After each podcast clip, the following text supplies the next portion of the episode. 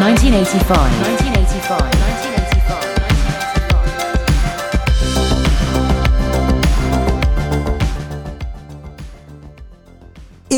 100 udsendelser Ja. Andy Tennant er det blevet til af noget ved musikken. Det- En podcast om kærligheden til musik. Og ikke mindst en Gode, dejlig popmelodi. Gode pop, det er mm. gode, gode, dejlige pop. Ja, 100. Det er helt vildt. Det er simpelthen udsendelse nummer 100, I lytter til lige nu. Jeg føler mig selv 100. Ja, ja, det er lige før man føler sig nærmest måske 100, 100, Ja, 100. lige præcis. Ja, men øh, det tænkte vi jo så lidt skulle være en lidt særlig udsendelse, og øh, det bliver det jo så også på mange måder, fordi vi har nemlig valgt at tage fat i en compilation, som vi ikke før har haft fat i. Og det er nemlig en engelsk en af slagsen. Det er nemlig blevet tid til at kigge Ja. på Now fra 1985. Og hvad er det så for en størrelse? Now er jo i virkeligheden en forkortelse af Now That's What I Call Music. Og øh, det er jo en øh, engelsk compilation egentlig, oprindeligt set. Ja. Og det er jo en compilation, som jo i vores makkerskab jo faktisk også har fyldt en hel del. Jamen helt vildt. Ja. Altså, vi, vi har jo tit her i podcasten med vores faste lytter jo øh, vide, at jeg sov en stor del af 80'erne. Men jeg vil bare sige, når man kigger på jeg ved godt, altså hverdags musik over sindssygt godt. Altså, Ja. har, har altid noget med sig. Men altså, når man kigger på The Greatest Hits of 1985, så er det altså bare perler på en snor. Det er en palette af superpoppies, ja. Jamen, det er helt vildt. Ja, og det er sjovt, du siger 85, fordi man kunne jo egentlig også godt have sagt 84. Det er jo sådan, så hvis du spørger i musikkritiske kredse, mm-hmm. der er, er der rigtig mange, der siger, at 84 faktisk var et bedre år. Men jeg er oh, faktisk ja. ikke nødvendigvis helt enig. Ja, det er rigtigt, der er også mange gode hits for 84, men 85 er også en, der står mit hjerte meget nær. Og også en af vores lyttere, fordi det var faktisk, tror jeg, sidste år på et eller andet tidspunkt, måske i forbindelse med en af vores 80'er specials, hvor der var en af vores lyttere, der skrev, om vi ikke havde lyst til at lave en udsendelse, hvor vi tog udgangspunkt i 1985. Oh. Og øh, der tænkte jeg også straks på den her compilation, vi skal have fat i. Men lad os lige starte med starten egentlig. Hvad er dit forhold til Now? Fordi nu nævnte du lige sådan i forhold til 85 og 80'erne, men det er jo også en compilation, som jo stadigvæk bliver udgivet. Kan du huske, hvornår du sådan første gang støtte på Now-fænomenet? Jamen altså, det har da nok været før 2000 og, og to. Hvor jeg kommer ind i billedet. Hvor du rigtig, Alligevel. Jeg vil sige, jeg har jo altid lyttet til compilations og så Ja. videre, men, det har sgu nok ved at være dem fra øh, enten Arcade eller EMI der, der Ja. udsendte noget Absolute Music. ja, de gode danske der, ja. De gode danske, ikke? Ja. Og, og, og mange andre. Øh, men, men, men Now, altså jeg vil sige, Now 85, den, den kommer rigtig ind i mit liv der i øh, 2001-2002. Ja. Det, det er jo på, på grund af dig, men, Ja, men det er rigtigt. Fordi du kommer ind i mit liv, og du ja. giver mit liv... Ja, Et, et, et engelsk krydderi, som du et aldrig havde fået før. Ja, og jeg fik masser af engelske krydderier Det gjorde du, i, ja. i nullerne der. Ja, måske de mere sri lankanske krydderier. Nå, øh, jeg vil sige, 80'er musikken, den, den får du mig virkelig med på, ikke også? Ja. Og du holder jo time lange foredrag øh, over for mig der. Ja, det er I- frygteligt. I, Casa Penthouse der. Ja. I din dime ikke? Og, Ja, lige- og, og står og, og bouncer med benene som en anden øh, 80's bass. Yes. Men jeg vil sige det så, jamen du har helt ret, og, og for mig er Now jo også noget, som i hvert fald startede, det startede jo helt tilbage i 90'erne, fordi jeg jo ligesom blev bevidst om den her engelske pendant til Absolute Music. Ja. Og jeg synes jo, at der var flere fordele. For det første var der jo endnu flere hits på, der var altid to CD'er. Ja. Og så var der altså også nogle af de der tracks, som man jo ellers ikke fik med på Absolute Music. De var jo så også med på den her. Mm. Så derfor begyndte jeg faktisk at købe Now. Det, jeg tror, der har været sådan 94 eller sådan noget. Ja. Jeg kan ikke huske, hvor langt de var nået. Der var de nået til nogen af 30, tror jeg. 33, 34 mm. stykker. Og så købte jeg den faktisk helt vejen op til, jamen det har været omkring år 2000 eller sådan noget lignende. Og så kan man sige, så har jeg måske ikke købt så, jeg har ikke, jeg har ikke dyrket dem så meget siden i hvert fald. Men vi skal måske lige starte med starten, fordi Now starter jo altså tilbage i, som du også sagde, i 80'erne, i 1983. Mm. Den første compilation kommer i 83, og den hedder jo selvfølgelig bare Now One. Og øh, det er et slags makkerskab, kan vi vel godt kalde det, mellem Virgin Records og EMI Records. Ja. Og det er jo fordi, at man på det her tidspunkt tænker, hmm, at lave nogle compilations, hvor at man ligesom samler nogle af de store hits, det er en rigtig god idé. Og det sidder de fleste af pladeselskaberne og tænker, men det der jo så er problemet er jo, at pladeselskaberne jo ejer rettighederne til forskellige tracks. Og så er der altså nogle kloge mennesker på Virgin, og det jo altså Richard Bransons Virgin på det, her det jo tidspunkt, lige ja, præcis. som tænker, hmm, måske skulle vi få fat i EMI og høre, om de er med på sådan et samarbejde, fordi så kan vi jo få endnu flere store kunstnere med. Mm. Og det ender de først med at gøre, og så bliver den første Now altså udgivet der i 83. Og det er vel et eller andet sted meget godt tænkt. Helt vildt. Ja. Helt vildt. Men jeg, jeg skal lige høre, det, det er jo altså kunstnere, der er udgivet på EMI og Virgin. Yes. Fordi independence-kunstnere har vel ikke... Nej. Og, og de er jo selvfølgelig måske heller ikke i... Men det er jo også fordi, på det her tidspunkt, der er der jo... Altså dem, der virkelig bliver til noget ved musikken, yes. Dem, der får hits i radioen, de er også udgivet på de store pladeselskaber. Jo, og det handler jo om hitsene, det her. Ikke? Altså, ja. Compilation skulle gerne have de allerstørste hits. Ikke? Ja. Og på det her tidspunkt er der altså faktisk kun én record, om man så må sige, fordi det enten bliver udsendt på CD, der bliver den udsendt på kassette og vinyl. Det er cirka 18 tracks, og så er det først senere, at det bliver udvidet til at være endnu flere tracks. Men, øh, men det bliver en stor sælger, det bliver en kæmpe, kæmpe, kæmpe stor succes, og derfra så øh, starter succesen også. Og det var jo faktisk sådan til at starte med, at der havde jo faktisk en maskot. Kan du huske, øh, hvad det var? Uh, Jeg kan godt svagt huske det, men det var ulv? kun på de allerførste. Hvis det er en hund, nej, nej, en, En ulv. en ulv. Ja, en ulv, ja, lige ved det var smukt. Nej, det var en gris. Det var en gris? Ja. Nå. Og det var efter sine en dansk gris. Nå, Fordi Nå, ja, at de hele idé- deres bacon jo. Ja, lige præcis. Dansk Danish bacon. Og det er jo vist noget med, at det her Now That's What I Call Music, øh, det er efter sine fra en gammel plakat, som viste en øh, gris, som øh, komplementerer en kylling, som åbenbart synger eller et eller andet. Og så er det altså en reklame for dansk bacon. Det er en meget mærkelig historie, men, øh, men det er efter sine en, som en af de her pladselskabsbosser havde hængende inde i kontoret der. Og så var det altså der, de tog den fra. Men den der gris, den røg, den røg hurtigt ud igen. Og så handlede det jo selvfølgelig også bare mere om hitsene. Og så handler det jo selvfølgelig altså også om de her forskellige compilations. Og det er jo sådan så, at Now Udover deres oprindelige udgivelser, det er lidt ligesom os, hvor vi laver almindelige udsendelser, og så laver vi en masse specials. Så lavede Now altså også nogle specials, og i 1993, der kommer deres første rigtige spændende special, nemlig yeah. der, hvor de fejrer 10-års jubilæet for den første Now. Og derfor laver de sådan en 10-year anniversary, hvor de simpelthen samler de største hits fra hvert eneste år. Og det var altså startende med Now 83, og det er altså her en, det vi har, og nu holder jeg den op, den er lige her, Now 85, den gamle CD, som vi jo har spillet til ukendelighed op i Casa Penthouse. Og den er nærmest faldefærdig, den falder nærmest fra hinanden. Pas, du skal lige passe på, for jamen, den... Du, jamen, du har altid været meget- god til at passe på dine CD'er. Ja, men ja, siger du så. Altså, ja. Og det er alligevel knækket herinde. Ja, ja, men altså, okay. den er jo blevet hivet meget ud af det, jeg vil sige. Det er også en af de compilations, måske, der er blevet spillet mest. Fordi du er godt nok altid god til at passe på dine CD'er. Ja, men den der har lidt lidt overlast, vil jeg sige. Men der er rigtig, rigtig mange gode øh, numre på den der. Og så skal jeg lige sige en gang, fordi der er jo sikkert nogle af jer, der sidder, når I lytter den her igennem og tænker, nej, men den er jo fantastisk, kan jeg anskaffe mig den? Øh, Lad os sige det sådan, det, det kan man ikke. Men men man skal ud og have fat i den brugt, for den kan simpelthen Discogs. ikke. Det, det er Discogs, man skal ja. fat i, eller noget, noget andet. Fordi Jo. den er svær at få fat i. Der skete der så faktisk det, at i, øh, lige omkring Millennium, altså omkring år 2000, der lavede de så endnu en Now 85 i sådan en Millennium Edition. Og den er næsten man til, og så alligevel ikke helt.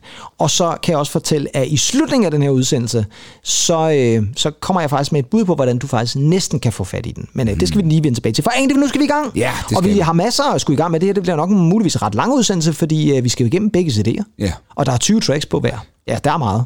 Så egentlig, vi starter fra starten. Ja. Og det første track, nummer 1 på CD1, der har vi en af 80'ernes allerstørste kunstnere. Vi har en af 80'ernes allerstørste numre. Og det er jo næsten det mest perfekte måde, man kunne starte en super CD fra øh, 85 på. Det er nemlig med det nummer, som jo faktisk så går hen og bliver sådan en slags MTV-symbol, mm-hmm. på trods af, at det egentlig handler mere om, hvad det er, MTV står for på den dårlige måde. Det her, det er selvfølgelig Mark Knopfler i forgrunden fra Dire Straits, sammen med den kære Sting og Money for Nothing. And he's up there. What's that? Hawaiian noises. He's banging on the bongos like a chimpanzee. Oh, that ain't working. Way you do it. Get your money for nothing. Get your chicks for free. We got to install a microwave oven. Custom kitchen deliveries.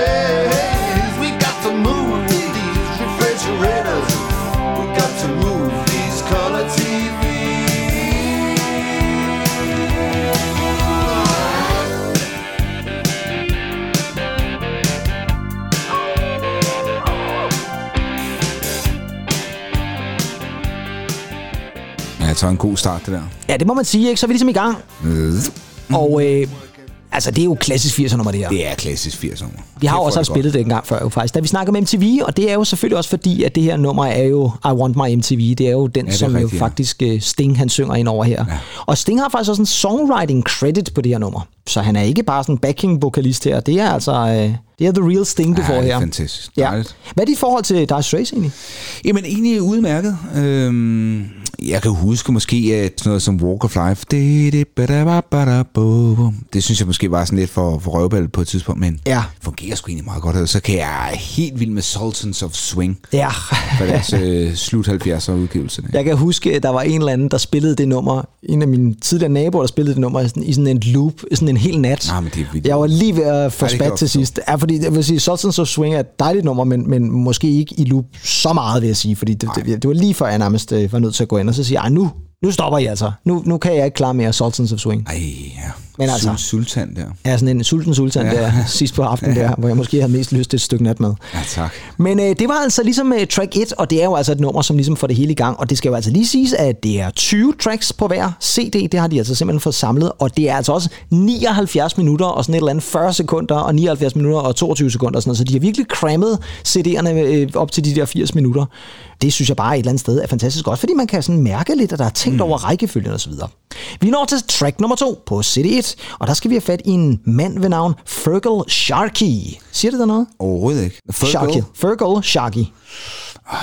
hvis jeg hører nummeret. Ja, det er jeg helt overbevist om, fordi det her, det var et stort hit i 80'erne, og det er det jo også, fordi at manden jo, han var forsanger for det band, der hed The Undertones, men her, der er han solo, og det er han på nummeret, som vel er en 80'er-klassiker, A Good Heart. I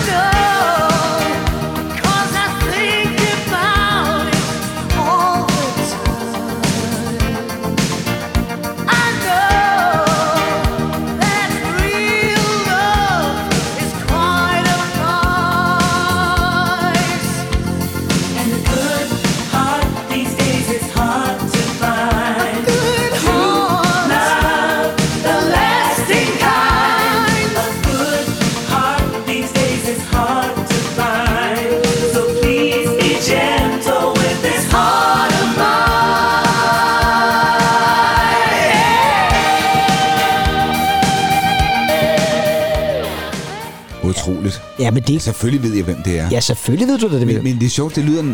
Der, der er også lidt Rod Stewart... Øh, Jo, jo, helt sikkert, ja.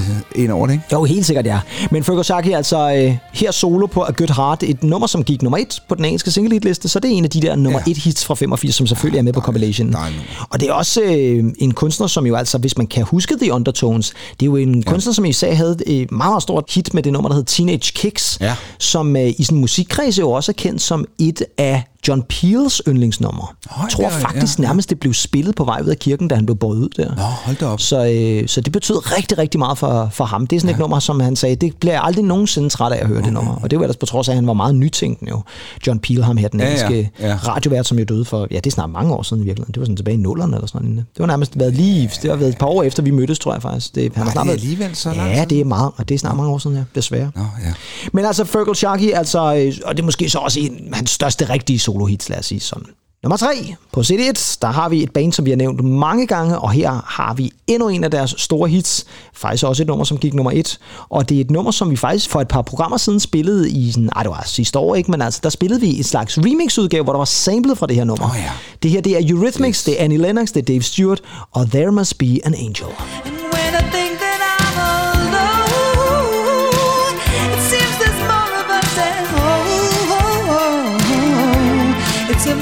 Multitude of angels, and they're playing with my heart. Yeah.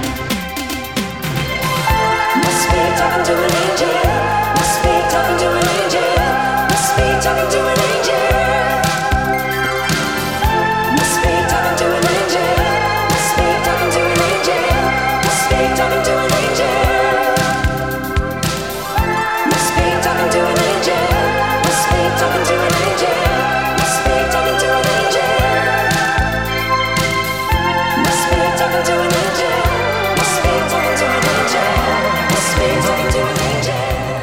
Annie Lennox. Annie Lennox, nogen er bedst. Jamen, jeg bliver Hun er- hun er- aldrig hun er nogensinde træt af hendes vokal. Nej, det gør jeg sgu heller ikke. Det er fantastisk. Det, øh, alting falder på plads. Det gør det virkelig, ja. Og, og de- der er så mange gode passager i det her nummer, ja. man kan nærmest tage hvad som helst. Og der kommer jo faktisk også en ret lang passage med en mand, der spiller lidt mundharmonika. Og det er jo ikke her hvem som helst. Det er da selvfølgelig vores gode ven. Det er der selvfølgelig Stevie Wonder, Lige som, præcis. øh, som giver den en max sologas Ja, ja, derinde i, i midten af Ja, nummeret ja. der cirka. Og det her nummer, som sagt, gik altså nummer et på den engelske single liste, og var altså generelt jo bare et stort, kæmpe, kæmpe, kæmpe stort hit. Vi vender faktisk tilbage til dem lidt senere, kan jeg lige fortælle, men der er det i selskab med nogle andre. Track nummer 4. Ja, tak. Der skal vi have endnu en af de her store 80'er kunstnere, fordi selvfølgelig skal han også med på den her compilation.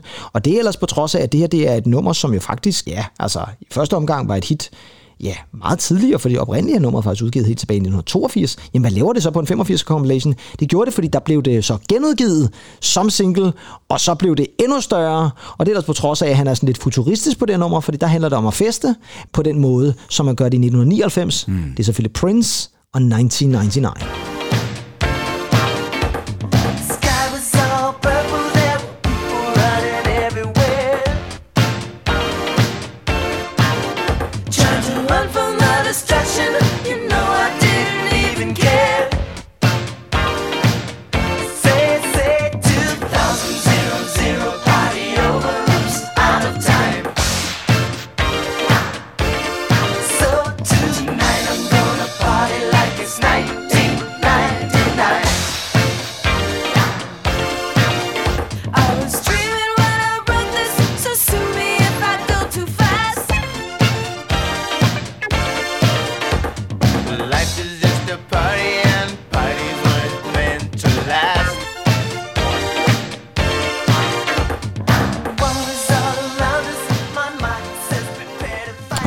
simpelthen et melodisk og øh, musikalsk mesterværk. Det Jamen det er det virkelig, og det er sjovt, fordi at det er jo her, det er jo Fed tekst også. fed tekst, men det er også et nummer, som jo faktisk, igen som jeg siger, blev genudgivet, fordi det her, det er jo altså i virkeligheden lavet før Purple Rain egentlig kom. Ja.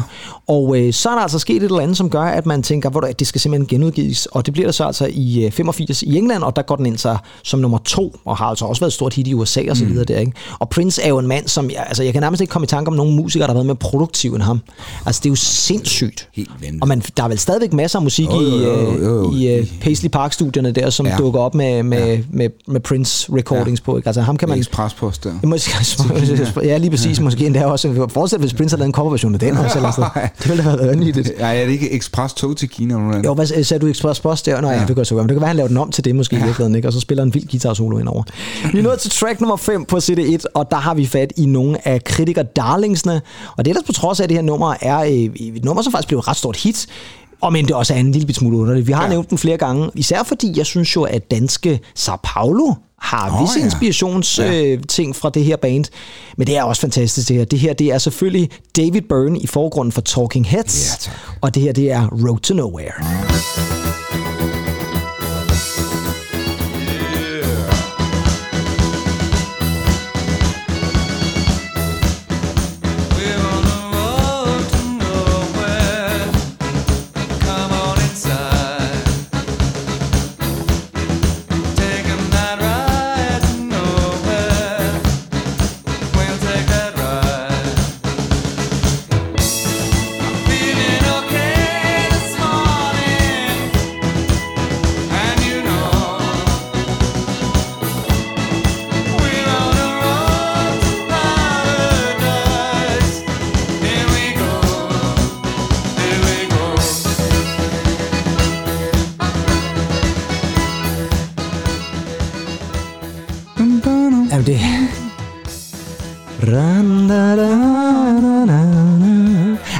Meget folky på en måde, Ja, ikke? Og sådan lidt fedt. harmonika og sådan lidt et, et sjovt nummer et eller andet sted. Ja. Har du nogensinde set deres øh, meget, meget, meget rost og måske den mest kendte musikfilm i verdenshistorien, Stop Making Sense? Nogensinde set den Åh, oh, nej, nej, nej. Det... Eller har jeg? Er det der, hvor han øh, kommer ind på scenen og starter en båndoptager? Ja, lige præcis. Ja, ja, lige, lige præcis. Der- der og han kommer i det der store suit på et Ja. tidspunkt. Der, ja. Den er fantastisk. Ja, den er- den er, den er sindssyg, ja. virkelig eminent god. Ja. Og så er den jo instrueret af en kommende Oscar-vinder faktisk, for den er jo instrueret af Jonathan Demme. Nå, ja, Og som... det var jo nemlig den Ja. ja. koncertvideo, som der var nogle uh, Mancunians, der sad og så på og tænkte, ah, kunne virkelig få ham til at instruere vores uh, nye musikvideo til det her nummer, vi har lavet, der hedder The Perfect Kiss. Åh, ja, selvfølgelig. Og så lavede Jonathan Demme selvfølgelig ja. også lige den for New Order.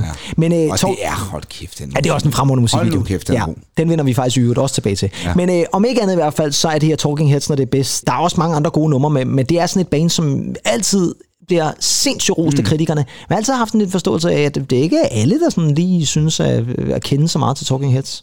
Jeg husker altid, forvekslede Gabriel Byrne og David Byrne. Altså ham, Okay. der. Ja. Han får kodenavn Nina. Og Ja, ja, ja, på- ja lige præcis. Ja, Og usual andre suspects og sådan. Usual Så, Ja, det var Suspects, måske bedre at vælge mange- den i mange- virkeligheden. Ja, kodenavn Nina. Var sådan, ja, ja, 90'er film. Ja. Altså, det er sådan lidt, øh, det var sådan lidt, hvad hedder den, kodenavn Nikita-agtigt, det virkelig. Ja, sådan lidt, lidt pastis der. Ja, det, det, jeg tror bare, det er en dansk oversættelse. Ja, det kan godt være, den hed det. Ja, måske. Vi vender ved øvrigt tilbage til Nikita lidt senere i en anden mundering. Nu er vi nået til track nummer 6 på den her fantastiske side 1, eller disc 1 på øh, Now 85. Og der har vi sjovt nok at gøre med et nummer, som faktisk, hvis vi kigger på de mest solgte singler Ja. i England i 2022, der var den overraskende nummer 6. Ja. Ja, og så kan det selvfølgelig kun være The Queen of Everything. Det er, ja, jeg er så glad for, at det her nummer er med på, og det er egentlig vildt, en compilation fra 85 også har en af de største hits fra 2022. Det er selvfølgelig Running Up That Hill og Miss Kate Bush.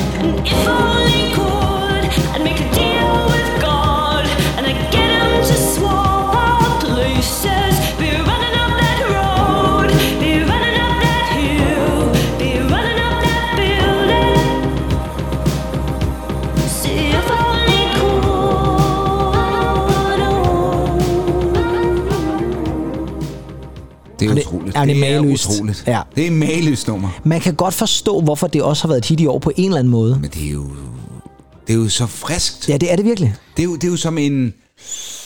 Det er jo som en, en, en sprød gulerod for et økologisk gartneri. Ja, det er det virkelig. Og Men det, altså, det er helt vildt. Ja, og så er det jo sket at tænke på, at det her nummer jo som sagt blev et stort hit i 2022, fordi det så var med i en tv-serie. Det er der masser af numre, der har Ja, været med. ja. Der, altså, jeg vil også sige det sådan, jeg ved ikke, har du set den scene i men det har Stranger. Stranger Things, hvor at det her nummer Hvor- virkelig hvor- bliver brugt? ja, hvor hun også løber afsted ja, fra ja, monster der. Ja, men det er, jo, det er jo rørende, og det er smukt, og det er voldsomt. Og, fantastisk. og, man kan godt forstå, hvorfor at det nummer så blev så stort efterfølgende, fordi man kan jo ikke se den scene og så tænke på, at det nummer skal jeg da aldrig nogensinde høre igen. Man har lyst til at høre det hele tiden efter det jo. ja. Ja.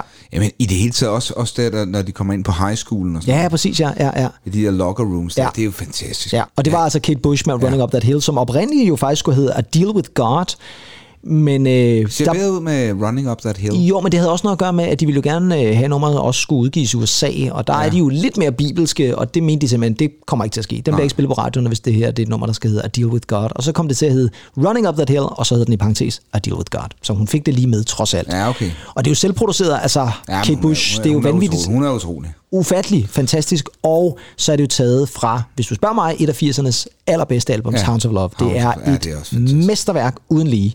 Side 1 med alle hitsene, og side 2 med den her fantastiske The Ninth Wave, som jo bare er det her fantastiske rejse-epos, man kommer ud Og på. cloudbusting, ja. Og cloudbusting også, ja. Nummeret giver altså nummer 3 tilbage i Ja. 85, men blev jo altså nummer 1 sidste år i Ja, England, så den op, har altså opnået... Sådan skal det være. Ja, sådan skal det være efter så mange år.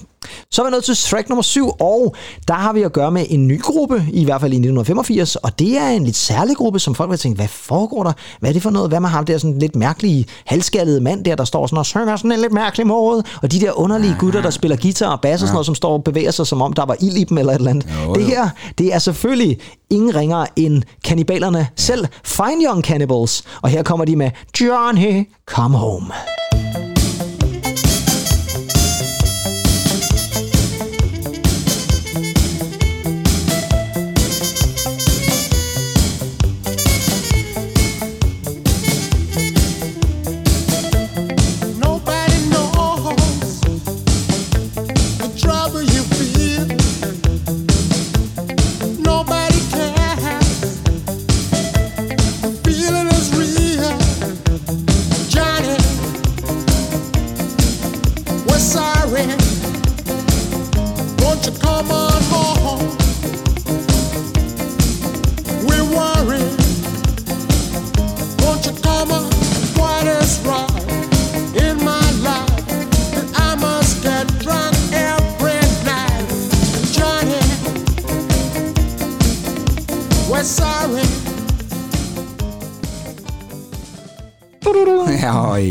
Og, øh, så sådan en øh, nærmest truttende Palle Mikkelborg der i starten. Ja, men altså det er jo sjovt, fordi det er jo sådan et nummer, som man kan godt forestille sig, at det i 85, det virkelig lyder sådan helt, helt aparte et eller andet sted i forhold til så meget af det andet. Ja, ja, men det fungerer jo, det er jo Ja, vildt catchy, og øh, det der beat og det der, um, da, um, da, um. altså der, der er noget ved det her nummer, som bare griber ind lige fra starten af, og det her, det er altså deres debutsingle. Altså det er det første Ja. nummer, de laver. Ja. Og udsender. Det er altså ret øh, hæftigt at starte ud med det her, vil jeg sige. Ja, hvad er nu, forsangeren hedder? Han hedder Roland Gift. Ja, det er, jeg har Ja. lyst til at kalde ham for Donald Andersen. Han lidt? Jeg lige lidt sådan Ja, en, en, en altså. engelsk Donald Anders der. Han var jo også skuespiller, Roland ja, Gift, har ja. været med i, i flere ting. Var han egentlig ikke med i The Crying Game, tror jeg faktisk måske? Jo, jo. Øh, nummeret gik i hvert fald, øh, fik en 8. plads, det er respektabelt, så sådan mm, første single ja, ja, der. Og så fik de jo selvfølgelig endnu mere succes, og i slutningen af 80'erne blandt andet med She Drives Me Crazy og alt det der. Men et, et meget, meget kritikerros band igen. De har ikke lavet så meget, de har lavet egentlig altså, faktisk kun to og albums. noget udvenskab også, det har vi vist været inde på. Jo, og så igen de der to andre musikere, som er ja. vildt dygtige, men som altid ser sådan lidt fjollet ud i de der musikvideoer. Ja, Især den ene af dem, der står sådan og ligner, han ligner lidt, øh, øh, hvad hedder det så, Forrest i Forrest Gump, hvor han skal, som barn skal danse Elvis-dans der. Det er lidt det, så den måde, han står på i virkeligheden her. Nå, Ej. vi er nået til track nummer 8, og der har vi en collaboration, som i hvert fald også fik rigtig meget omtale der i 80'erne. Og det er på trods af, at det er fra lidt forskellige lejre. Vi har at gøre med sådan lidt indie-rock af 80'erne i form af forsangerinden i The Pretenders. Elsker Og så har vi at gøre med sådan lidt øh, reggae, hvis vi kan kalde det det, med en gruppe, der består af sådan cirka 190 medlemmer, nemlig UB40. Og når man sætter de to sammen. Ja. så kan man selvfølgelig bare få et af 80'ernes allerstørste collaboration hits, I Got You Babe. They say we're young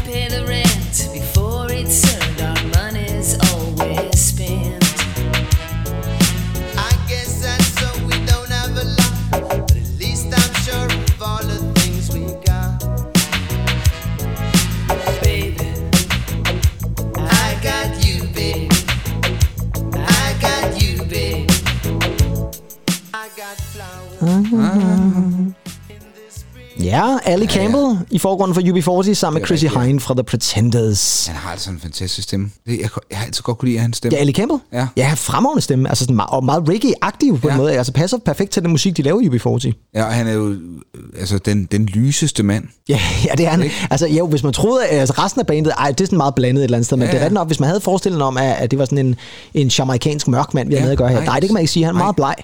I øvrigt, øh, de eksisterer stadigvæk UB40, men nu er det jo faktisk hans bror, Robin Campbell, som er Nå, til okay. forsangeren, tror jeg nok Ja. faktisk, eller i hvert fald ham, der leder bandet, og de er vist blevet lidt uvenner om forskellige ting og sager. Mm. Men det her, det var jo en coverversion af det gamle Sonny og Cher-nummer, Ja. og det var altså stort hit i 80'erne. Kan du så huske, at Cher faktisk også Ja, lavede en coverversion af sit eget nummer? Ja, det gjorde var det ikke der med, med Beavis and Butthead? jo, lige præcis. Beavis and Butthead og Cher havde et hit der i 90'erne, hvor meget det var. Ja. ja. det var meget skægt, ja. Nå, men det var altså et stort hit, øh, og den gik altså højt på listerne. Den var faktisk helt op som nummer et af Indie. Ej. Ja, sådan er det. Sådan er det. Så er vi nået til track nummer 9, og der har vi en mand, som hvis man øh, på et eller andet tidspunkt i 80'erne satte sig ind i en eller anden virkelig trendy bar, i Soho måske, eller et eller andet sted, mm-hmm. og man kiggede op i baren, og der sad en mand i sådan en flot, hvid jakke, og øh, så virkelig sofistikeret ud, så kunne det muligvis godt have været den her mand. Han øh, blev mest kendt som forsanger i det band, der hed Roxy Music, ja. men i 80'erne, der skulle han selvfølgelig også bevæge sig ud solo, og øh, så er der selvfølgelig tale om ingen ringer end Mr. Suave himself, Brian Ferry, og her på nummeret Slave to Love.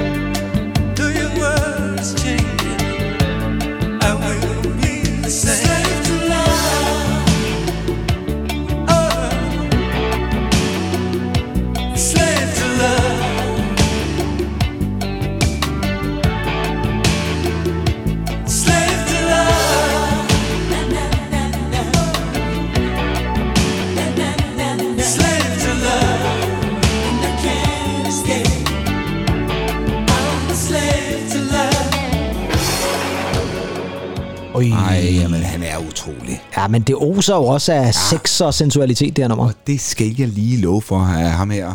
Ja, Herr Færgemand her. herr færgemanden der, ja. Ferry. ja. Han har jo, han har jo nedlagt damer på, på stribe der i 80'erne. Det er der slet ingen tvivl om, ja. Og en velklædt mand. Jamen, jamen, det er det, jeg siger. Altså, ja. Hvis jeg nogensinde skulle have en samtale med Brian Ferry, så skulle det foregå en bar med øh, ham velklædt. Jeg kan huske, der var faktisk en, en tøjforretning, jeg frekventerer en gang imellem på nettet, som for, ja, det er et års tid siden, der solgte de faktisk en speciel Roxy Music Collection. Og der Ja. kunne man faktisk købe hans dinner jacket, og jeg var Ja, ja. Så tæt på at købe den, men den kostede altså 15.000. Jo, men havde det ikke bare været grebet om? jo, måske øh, så, så skulle jeg bedt om, bedt om noget hos færgemanden efterfølgende der, et eller sted. Ikke? Altså, Men, men altså, ja, som forsanger i Roxy Music, også jo vidunderligt. Det er jo sjovt egentlig at smide Brian Ferry ind med, med nogle af de her kunstnere, fordi øh, han forekommer på mig som, som værende den eneste af de her kunstnere, der måske faktisk er konservativ. Og det har han jo været ude at sige. Ja, men helt sikkert, altså det er jo ikke så populært at sige det som uh, kunstner generelt. Men uh, ja, det er rigtigt, men alligevel er en stor stjerne musikalsk også, og sådan, og Brian Ferry var også meget stor stadigvæk i 80'erne, så på Ja, den måde kan man sige, passer rent nok. Men rent politisk kan der godt være noget om det i hvert fald. Sangen her, den var i top 10 i England, øh, men igen, altså det er jo ikke sådan et nummer, som, som gik nummer et eller noget som helst, men stadigvæk et nummer, som folk husker. Det er, vel en, det er jo en 80'er klassiker. Det er det, det er det. Og jeg kan, altså, det, det må vores lytter vel kunne bidrage lidt med. Det har, har, det været, har, har det været sådan en rigtig kendans-slasker der? Ja, det tror jeg i, godt. øh, På, øh, på 85's dansgulv. Ja. Men det må vi jo lige høre nogle af vores lyttere ja. Om, jo i, i virkeligheden, ikke? Fordi ja. der, der kan vi ikke helt være med. Der var vi trods alt lidt for unge. En øh, person, som øh, jeg tænker også var populær hos damerne, men som på det her nummer i hvert fald øh, er blevet dumpet af en af dem, eller noget af den stil. Han er i hvert fald over i sit depressive humør. Det mm. svinger lidt i hans karriere, vil jeg sige. Ikke? Men det, der er fantastisk, er, at hver gang han var blevet dumpet, eller gået fra konen, eller konen var gået fra ham, ja. Så skrev han nogle fantastiske popballader. Og her er endnu en af dem, fordi nummer 10, eller track 10 på CD1 fra Now 85, der har vi selvfølgelig Mr. Phil Collins himself, og her er det One More Night. I've been trying for so long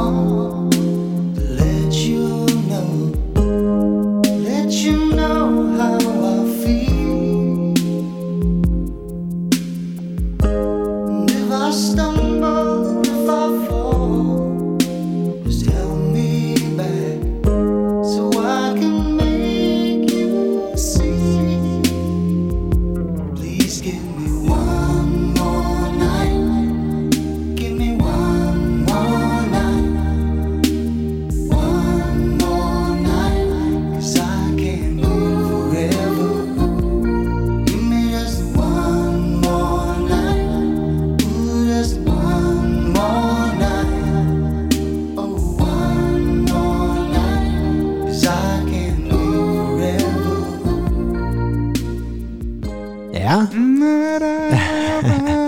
Taget fra albumet No Jacket Required, som også er en af 80'ernes allerstørste album. Det var Altså, selvfølgelig Phil Collins en- og One More Night. Han beder på ham en nat til. Nej, en nat mere, ja. ikke? Men man kan godt høre, det er sgu ikke helt godt i det forhold der. Altså, kan jeg bare få den ene nat mere, så, jeg, Ja, så, så kan vi klare den. ja, og så Ja. skal jeg nok huske at børste tænder. Ja, så skal jeg nok klare tandbørstning også, ja. Det her, det var altså efterfølgeren til Susudio, og man må sige, det, det kan jeg sgu meget godt lide ved Phil Collins, det her, fordi ja. det her, der er jo, det er jo en tromslager, Ja. som bare brugte en drum machine. Ja, men det har han altid Meget simpel lille drum Ja, machine, der ja. kører der i baggrunden. Der er ikke store trommer, og det var der jo så også til gengæld på Susudio.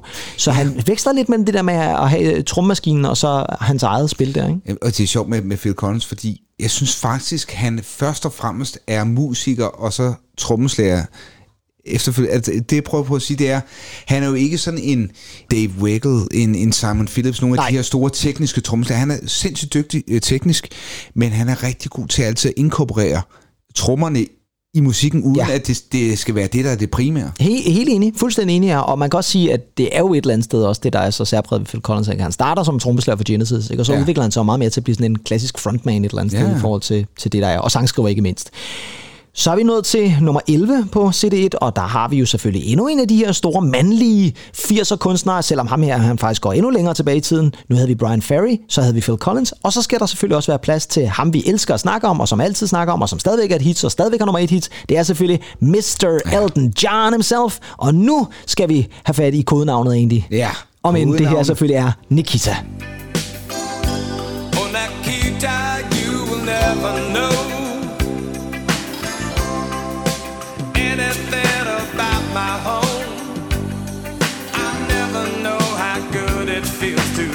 you. Oh, Nikita, I need you so. Oh, Nikita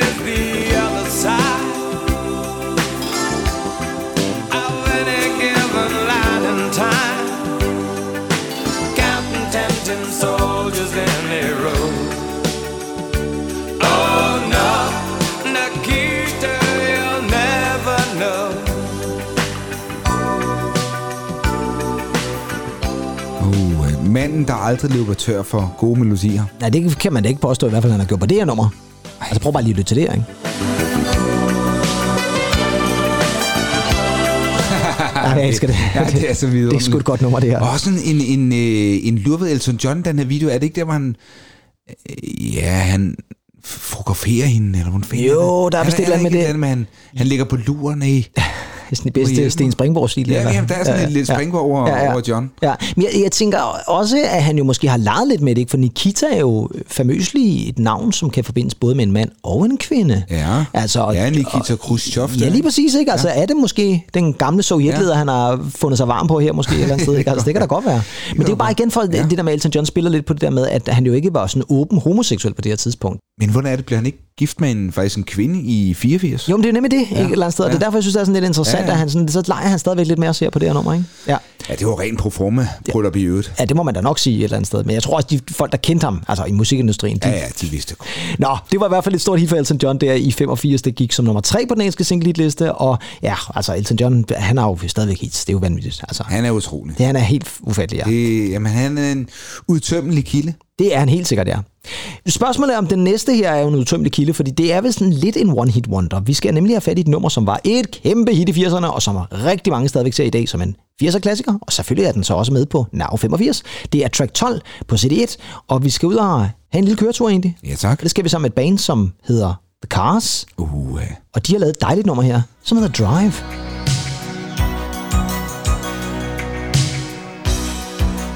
Who's gonna tell you when it's too late?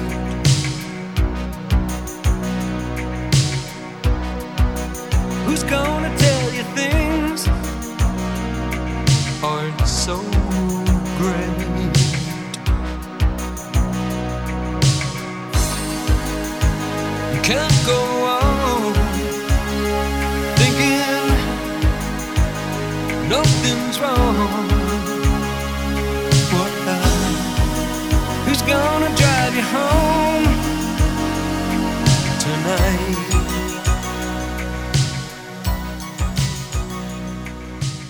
Er det, er det her muligvis en af de bedste... En af Det de rigtig, bedste rigtig, rigtig natradio. jeg skulle lige så sige det. Er det her en af de bedste... Er det muligvis det bedste natradionummer nogensinde? Ja, det må man nok sige. Altså, det er jo sådan et nummer, man sætter på, der, når klokken den er halv to om natten, og man kører hjem fra en... Øh, forhåbentlig ikke alt for våd aften i København, for så kører man forhåbentlig ikke hjem, men... Øh, Man, man, man kører hjem fra aftenkaffen. Var det ikke det, man gjorde i 80'erne og 90'erne? Man Jo, det spiste aftensmad, så kørte man hen til Moster og fik aftenkaffe. jo, lige præcis. Og så satte man det her på i bilen, når man kørte hjem. Og årets bil i 1985, ja, hvad var det? det var faktisk en Opel Kadett. Wow, jamen så kan det være, at det er sådan en, man har kørt hjem i, med Elron Harald, måske i en udgave Det- på det være. der, eller ja. Ja, ja, Ja, ja. en lille, lille Harald. Ja, en lille. Harald, der sidder der og plade, og man efter har fået alt for meget kage ned hos mosteren der, eller, eller Ja, ja, ja. Sønderjysk kaffe på, ikke? ja, lige præcis. Ja, der han har taget for sig retterne der. Jeg har han. Også dengang, ja.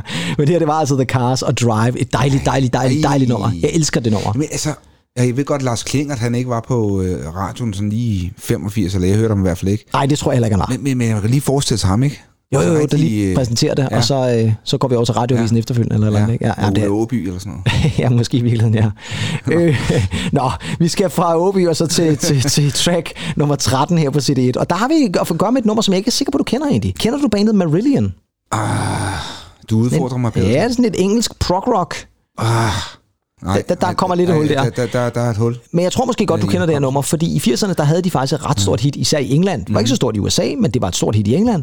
Og det er det her nummer, som er en hyldest til kvinden over alle kvinder. Det her, det er selvfølgelig Kaylee.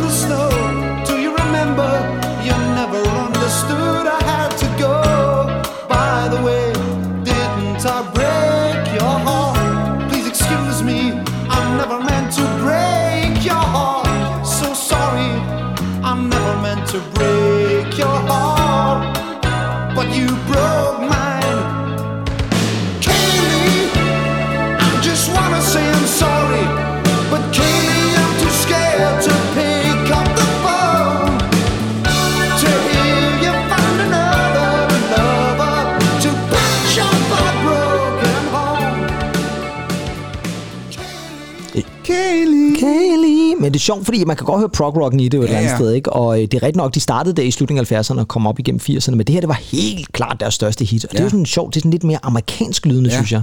Det lyder som et, noget, der faktisk kunne have været et stort hit i USA.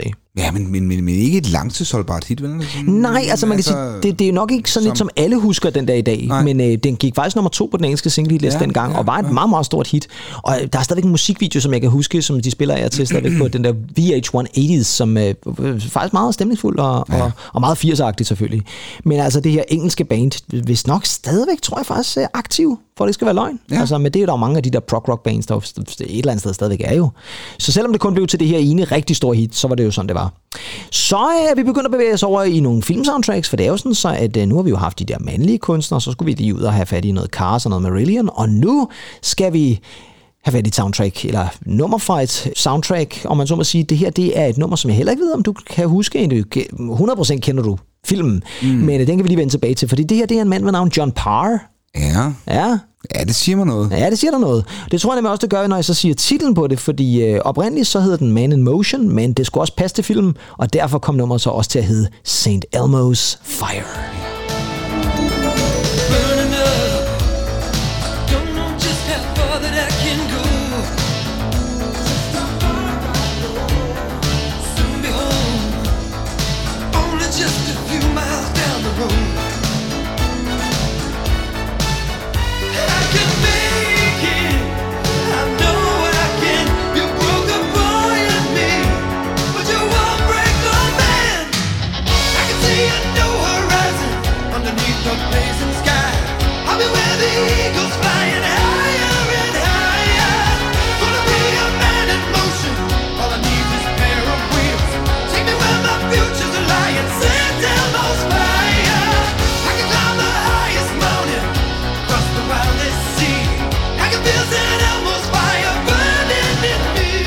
Ja, det er skide godt nummer. Det er sgu et fedt nummer, det her. Ja, fantastisk. Yes, kan du huske filmen så, St. Elmo's Fire? Ja, nah, Den har sikkert fået en eller anden dansk titel, men det er jo altså nærmest toppen af poppen, når vi snakker sådan Brat Pack, altså det er i 80'erne, ikke? Altså det her, det er Emilio Estevez, det er Åh, Rob ja. Lowe, det er Demi Moore, det er Andy McDowell, det er, hvad hedder han, Judd Nelson øh, fra Break, der også var med i Breakfast Club og sådan noget. Altså det er de, Åh, alle de ja, store, ja, det er de ja, ja. unge stjerner, Åh, der er ja, eller andet sted, ikke? Og det her er altså også et øh, stemningsfuldt soundtrack.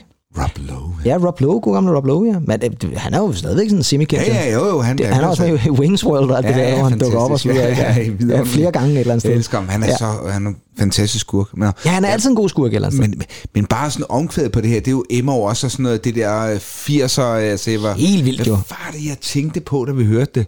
Ba-na-na-na-na-na-na. Det ved jeg ikke, men det, jeg synes bare, den, det er sådan et, ja, det runger af 80'erne om Ja, det her. det er helt vildt. Det er helt vildt.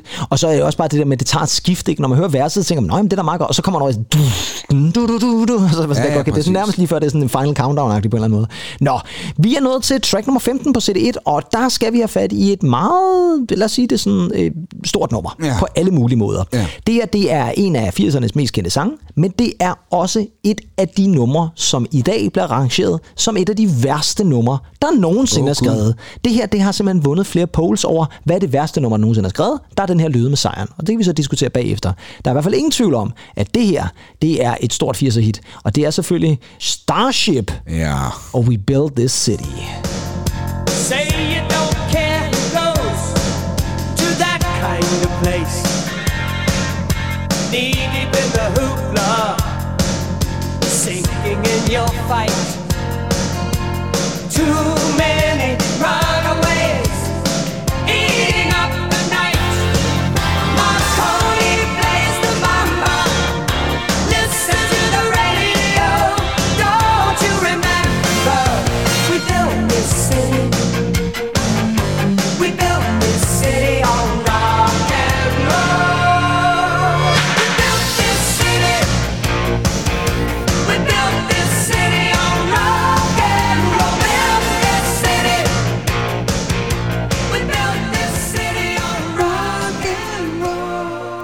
Ja, fra Jefferson Airplanes til Jefferson Starship til Starship.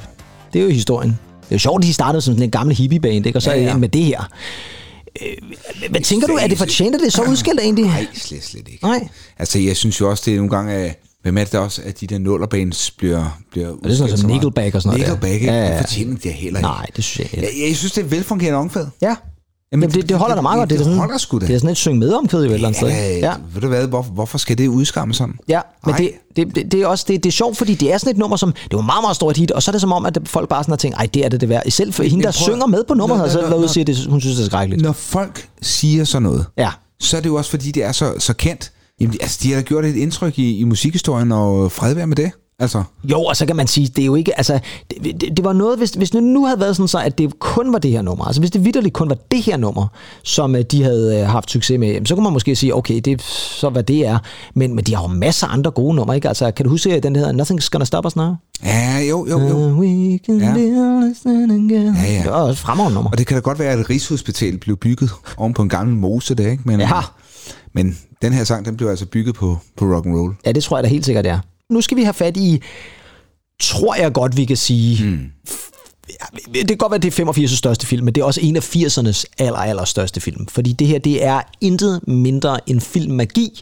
Og til en magisk film, der skal selvfølgelig også bruges et magisk soundtrack. Og jeg vil faktisk sige det sådan, jeg kan ikke lytte til det her nummer, uden ikke også at tænke på tidsmaskiner og DeLoreans og øh, Marty McFly og så videre, fordi det her, det er selvfølgelig et tema fra Tilbage til Fremtiden, eller Back ja. to the Future. Vi skal have fat i Huey Lewis and the News og The Power of Love.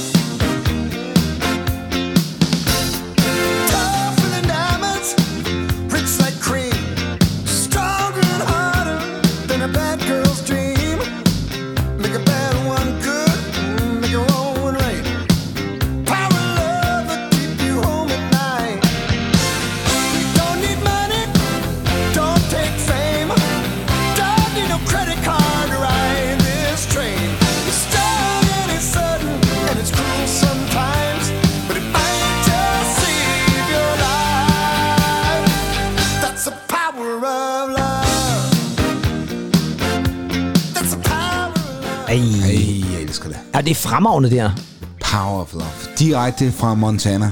Jo, men også bare igen det der med, at det bare passer perfekt til den film. Jamen, det er fantastisk. Altså, jeg kan nærmest se uh, Michael J. Fox på sådan, hans skateboard, der ja, hænger efter en bil, eller når det her nummer kører. Og det er virkelig sådan et nummer, som jeg får faktisk billederne af filmen, når jeg hører nummeret. Jamen, det, den, jamen det, hold kæft med Hugh Lewis. Det har så bare været garant for mange gode hits, ikke? Jo, især i 80'erne jo sted. det Der var det et meget stort 80'er band. Fuldstændig. Og øh, man kan sige, det album, der hedder Sports, som jo var et af 80'ernes største album, øh, er jo også et album, som faktisk rigtig mange rangerer som, som noget af, af det aller, allerbedste i den her genre. Han er jo øvrigt med i Tilbage til Fremtiden, vidste du det? Det er rigtigt. Ja, han spiller en af dommerne, der siger nej tak, da Michael J. Fox spiller en uh, lidt bøvet version af det her nummer faktisk. Nå, ja, så bliver han afvist ja. på det groveste af manden, der selv har skrevet Ja, ja, nummeret. ja. Synes jeg faktisk er meget sjovt. Ja, det er. Nå, vi er nået til track nummer 17 på CD1, og der skal vi godt nok op i tempoet, og nu skal vi have alle solskinstimerne og solskinssmilene og glæden og alt det der frem, og det skal vi selvfølgelig, fordi vi skal have fat i et band, som jo måske senere blev mest kendt for et Grand Prix-nummer, men her, der er de full fart over happiness, det her, det er selvfølgelig Katrina and the Waves, og en af 80'ernes aller, aller, aller største hit, tror jeg, hvis godt vi kan sige egentlig, det her, det er Walking on Sunshine.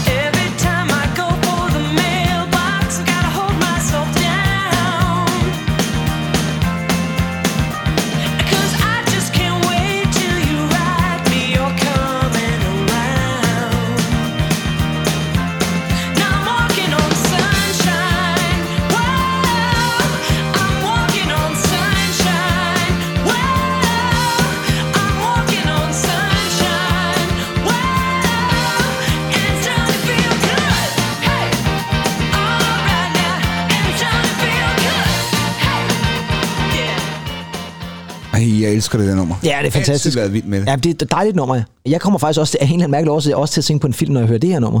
Og det er fordi, der er en scene i... Og er det Hot Shots 2 eller sådan noget fra 90'erne, hvor at Ja, ja. nummeret også kører, øh, mens er en eller anden øh, limo-driver, der er meget interesseret i at se, hvad der sker på bagsædet mellem Top og Harley. ja, ja. Charlie Sheen og hans kæreste. Og så er der på et tidspunkt et totalt plat klip, hvor han lige pludselig kommer løbende uden for bilen, mens bilen stadigvæk kører. Det giver ingen mening. Ej, det var... Ja, der er det her, vist også det her nummer, de spiller. Må ikke også, at Alphabet har hørt Katrina Og det er der slet ingen tvivl om. Det er jo nærmest det 80'erne svar på alfabet, det her ja. I virkeligheden. Altså, det, det er meget alfabet. Det er faktisk rigtigt, det du siger. Men øh, det var også en gruppe, som jo egentlig ikke havde sådan mange store hits der i 80'erne, men det her, det var altså et øh, kæmpestort top 10 hit i England, og i hvert fald også mange andre steder i Europa. Ja. Vi er nu nået til track nummer 18 på CD1, og der skal vi have gang i noget rock. Og vi har faktisk haft fat i nummeret før, da vi havde... Ja, hvad pokker har vi spillet der? Det kan jeg ikke huske. Vi har i hvert fald spillet noget her nummer. Det er altså en lidt sjov konstellation, fordi vi skal have fat i øh, en mand, som er kendt for sit guitarspil, og en mand, der er kendt for sit basspil. Og det er så gået sammen om at lave et rigtig rocket nummer, som hedder Out in the Fields. Mm-hmm. Og øh, den ene, han hedder Gary Moore, og den anden, han hedder Phil Lynott. Og øh, her kommer de altså på det her fremragende Out in the Fields. It doesn't matter if you're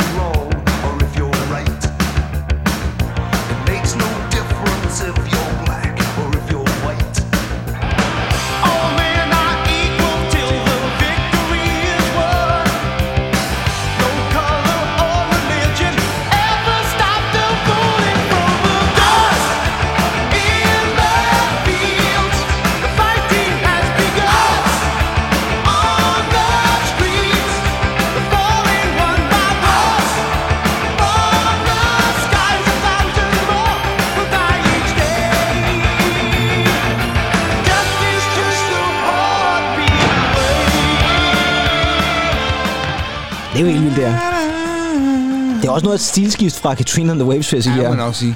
Men Gary Moore og uh, Phil Lynott, som jo er kendt fra Thin Lizzy, øh, er det musik, som, som, som du har et forhold til? Altså, nu kan man sige, Gary Moore er jo nok mest kendt for Still Got the Blues, Ja, men, ja, men hvad med Thin. Lizzy? Hvordan er dit forhold til sådan Jo, altså Thin Lizzy, altså sådan et nummer som Boys Back in Town, det er jo... Åh oh, ja, dejligt nummer. Hæft, det er stadig. Ja, det er super. Holder stadigvæk den dag i dag. Boys back in town. Ja, det er Ja. fremragende nummer her.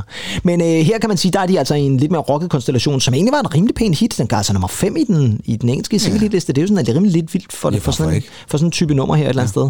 Men øh, jeg ved ikke, hvor, hvor, hvor stort et hit det var andre steder i verden. Men i England, der, der holder den i hvert fald. Det er ikke sådan, at det dukker så tit op på compilation, synes jeg. Nej, det synes jeg heller ikke. Nej, det kan man ikke påstå. Det ved jeg heller ikke, om den næste gør, men der har vi i hvert fald at gøre med en anden en af 80'ernes store sådan, britiske sangerinder.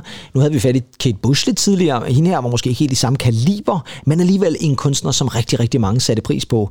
Ikke mindst, fordi hun jo også sang med på en af 80'ernes største julenummer, nemlig Fairy Tale of New York, sammen med The Pokes. Og det er selvfølgelig den dejlige Kirsty McCall.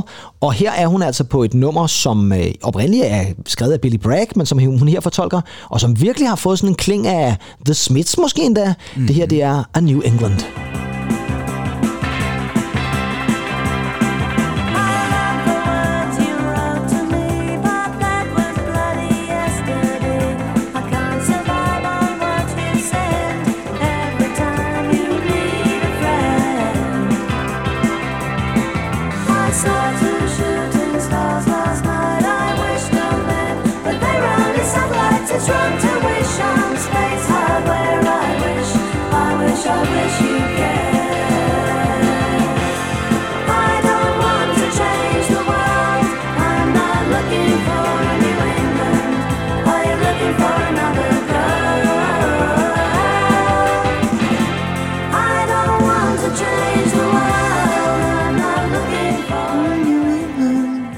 Fedt nummer, det her. Ja, dejligt nummer, dejligt nummer. Sindssygt dejligt nummer, ja. Og øh, et rimelig pænt hit for hende.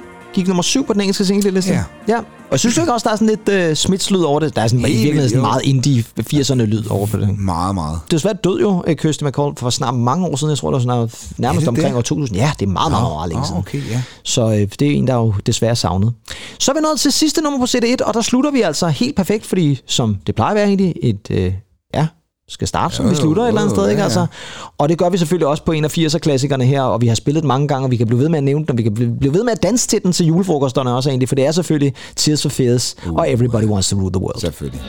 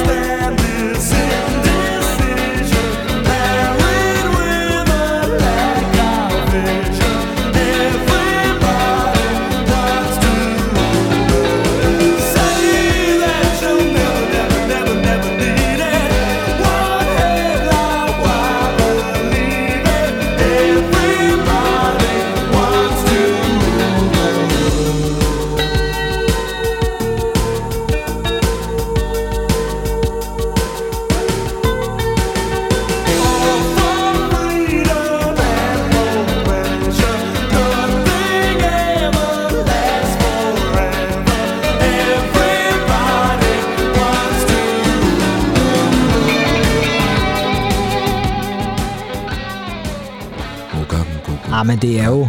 Ah, men det er så fantastisk. Ja, og jeg har stadigvæk svært ved at forstå, hvordan det kan være, at Roland Orsabal og Chris Smith sådan tænkte med det her nummer. "Nja, øh, Er det en B-side, eller skal vi bare droppe den helt fra albumet? Ah, det er ikke særlig godt nummer. Ja, men det- altså, det er mærkeligt. Ja, det Jeg forstår det ikke helt, fordi det her det er jo Det er fuldstændig uimodståelig god popmusik. Ja. ja. Og det var selvfølgelig Tears for Fears. Og Everybody Wants to Rule the World, som selvfølgelig var et kæmpe hit. Den gik nummer et i USA og nummer to i England og sådan noget der. Og taget fra det fremragende album, som de udsendte der i midten af 80'erne, som hedder... Songs from the Big Chair. Tak egentlig. Fantastisk. Godt husket, ja. Men jeg tænker på, det er jo det faktisk... er et fremragende album. Ja, og jeg tænker på, det er jo ret sigende, at for Fears ligger nummer sidst på, Ja. på den her CD1. Fordi Everybody Once a happy end. Once a happy ending, ja. For lige at nævne øh, endnu et øh, Fears album. Ja, det er rigtigt. Skide godt egentlig. Jamen, øh, så er vi i gang øh, til den. Og jeg, vi, vi undskylder lidt, det går lidt stærkt, men vi skal jo øh, 40 store 85'er hits igennem. Og øh, nu tager vi lige en dyb indånding. For nu skal vi til CD2. Nu skal vi til CD2. En kop kaffe. Ja, vi skal lige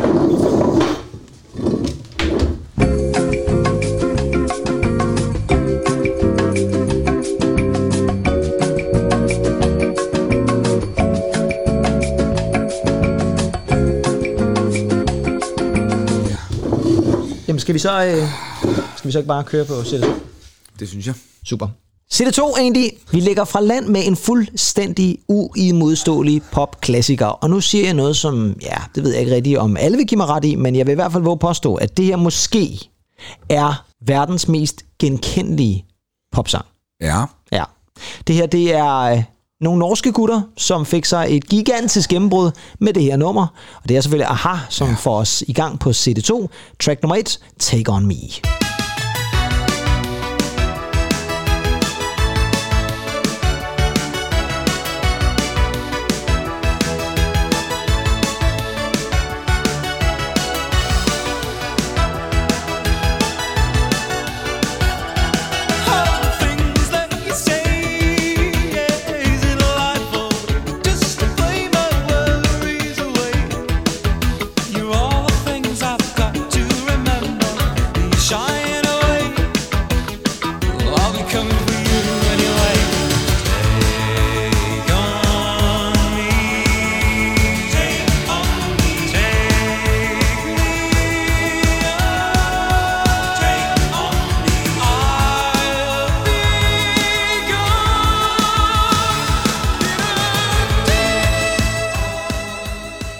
Og så ramte han. Det er simpelthen utroligt. Ja, det er vildt.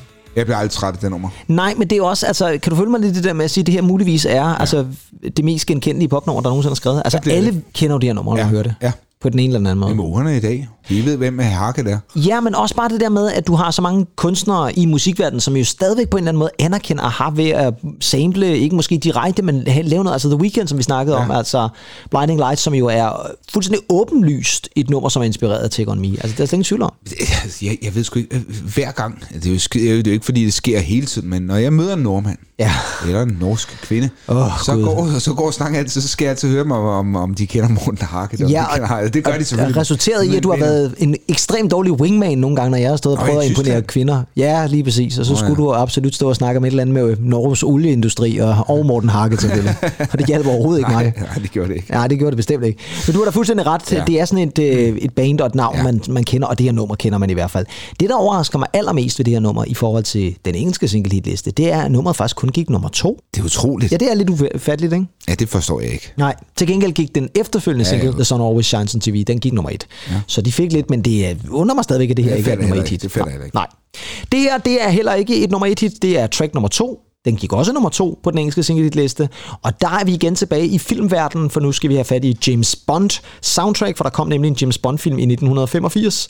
Og den bærer jo selvfølgelig, traditionelt set ligesom alle de andre James Bond sange, for det meste i hvert fald, titel med sangen. Altså det er samme titel som film som sangen, hvis du forstår, hvad jeg mener. Det var en Lars Lykke. Det var med min Lars Lykke forklaring. Jeg tror, hvis bare vi skal lade den gå over til bandet, som står bag det, det er selvfølgelig Duran. Duran. Og her kommer selvfølgelig James Bond-filmen og nummeret, som hedder A View to a Kill. Nightfall covers me, but you know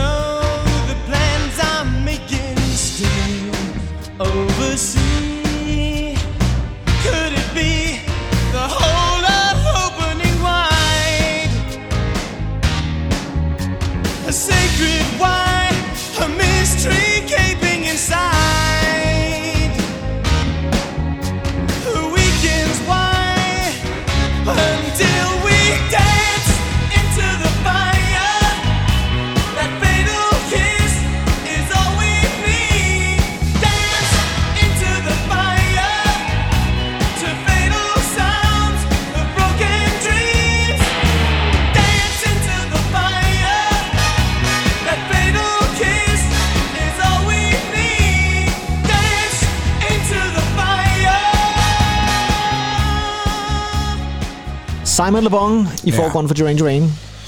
Kan du huske filmen A View to a Kill? Om jeg har set den. Ja, ja. Men jeg så den jo ikke. Jeg kan ikke huske den fra 85. Nej, nej, jeg er med på, at du ikke det- så den i der var det- 85, men, øh, men, kan, du, men kan du huske, hvem der spiller hovedskurken i filmen? Jamen, øh, er det ikke øh, Christopher Walken? Det er det nemlig ja, som sådan en slags øh, form for nazist øh, Jamen, han er- han. God ond. Han er super ond, og så falder han i øvrigt ned fra, det er jo sådan lidt en spoiler, men han falder ned fra Golden Gate Bridge Det er til rigtigt. sidst i sådan og Grace. Jones er også med, ikke? Grace Jones er også Ja, med, ja. som spiller Mayday lige præcis, ikke? Altså, så øh, ja, det er en fremragende, ja, den er ikke set med så pæne øjne. Jeg synes faktisk, den var meget underholdende. Og nummeret er jo fremragende, det her. Altså, Ja, det er jo glimrende James Bond Men tema. det er jo ikke... Det er jo ikke mit yndlings James Bond nummer. Nej, nej, det tænker jeg heller ikke, det er med mig, men jeg synes, den rangerer godt deroppe Ja, ja, ja. blandt nogle af de der James Bond-numre, hvor jeg tænker, den får sgu fuld smæk et eller andet sted. Faktisk en dag, vi skulle lave en, James Bond. Øh... Det kunne da godt være, vi skulle gøre det, ja. Jeg ved, vores kære venner over i Ghost to Eleven har lige uh, lavet uh, Nå, en ja, okay. uh, liste over de bedste James Bond-numre. Nå, Okay. okay. Ikke lige lavet, det gjorde Ah. de sidste år, ikke? Men, uh, men den var også meget interessant. Men jeg synes faktisk, at det her nummer, det holder uh, et eller andet sted rigtig, rigtig fint. Og det er et godt Duran Duran-nummer også et eller andet Ja, sted. ja, jo, jo. Ja. ja. Og musikvideoen, kan du huske musikvideoen? Ah, Den- det er der- noget med opsmøget ærmer, ikke? Og, og nogle, Nej, nej, nej, nej. farverige Den, blæser. den foregår i Eiffeltårnet, og, og så er Ja, det sådan mixer jamen- den klip fra filmen med dem, der står deroppe, blandt andet, øh, hvad hedder det så, øh, Simon Le Bon, der til sidst præsenterer sig selv som Bon, Simon Le Bon, og det synes jeg bare er vildt morsomt spil på hans øh, egen... meget sjovt. Ja, det er meget skægt, ja. Nå, nu skal vi have endnu mere morskab, og det skal vi over på sang nummer 3 på øh, CD2, nemlig et nummer med en mand, som faktisk har taget navn efter en karakter fra en tegneserie, nemlig Tintin. Åh, Vi skal nemlig have fat i ham, der hedder Steven Tintin Duffy. Ja. Ved du, hvem det er egentlig? Ham har du skrevet mange afhandlinger om. ja, det har jeg. Var det ikke ham, jeg skrev samfundsfagsopgaver om? Ja, det tænker jeg nok. Han var oprindelig øh, forsanger i det band, der hed Tintin. Og det er måske så også derfor, han lige vælger at sætte det ind i det, så folk lige kan huske, hvem han er. Ja, tak. Men ingen kan jo huske, hvem Tintin er alligevel, andet end ham fra Haché. Men øh, han havde altså et rimelig stort hit der i 80'erne, og øh, det skal vi selvfølgelig have her, for det er nemlig det, der er nummer 3 her på CD2. Og det er altså Steven Tintin Duffy, og nummer, som hedder Kiss Me. my young life and I know something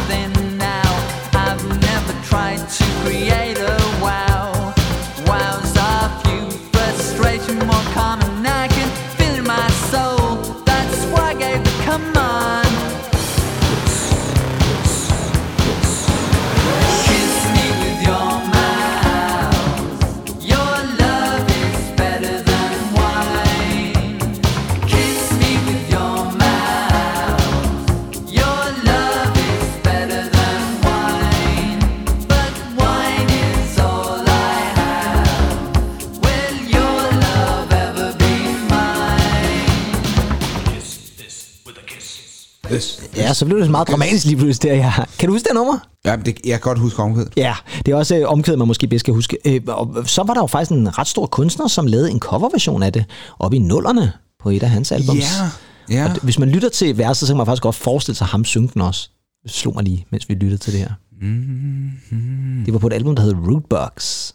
Og Rootbox, uh, Rob Williams. Det var nemlig Robbie Ja, ja, Williams. Han havde nemlig ja. ja. lavet en coverversion af Kiss Me. Det var jo sådan et meget 80'er-inspireret Ja, album, det så det rigtigt, gav ja. meget god mening. Ja. En af de samarbejdspartnere, han havde på Rootbox-albummet, det var jo også to herrer, som vi faktisk sjovt nok møder her på track nummer 4 på CD2. For der, Ja. der har vi så endelig CD2's første nummer 1 hit. For når nu ikke Take On Me eller A View to a. Kill kunne gå nummer 1, så er det godt, at de her to gutter kunne sørge for et nummer 1 hit. Og det gjorde de altså med et nummer, som jo faktisk er udgivet i 85, men først blev nummer 1 i 86. Mhm. Mm-hmm. Så det er lidt en snyder. Men det er selvfølgelig to mennesker, som øh, jeg holder rigtig, rigtig meget af. Det gør du vel egentlig også egentlig, Tennant? Helt vildt. Ja, og det er jo et eller andet sted forståeligt, fordi her, der skal vi selvfølgelig have fat i Neil Tennant og Chris Lowe, også kendt som Pet Shop Boys og Western Girls. Sometimes you're better off dead. There's a gun in your hand that's pointing at your head. You think you're mad, too unstable, kicking in chairs and knocking down tables in a restaurant in a West End town. Call the police, there's a madman around, running down underground to a dive bar in a West town. In a West town, a dead end world, the East End boy Western girls. In a Western town, a dead end world.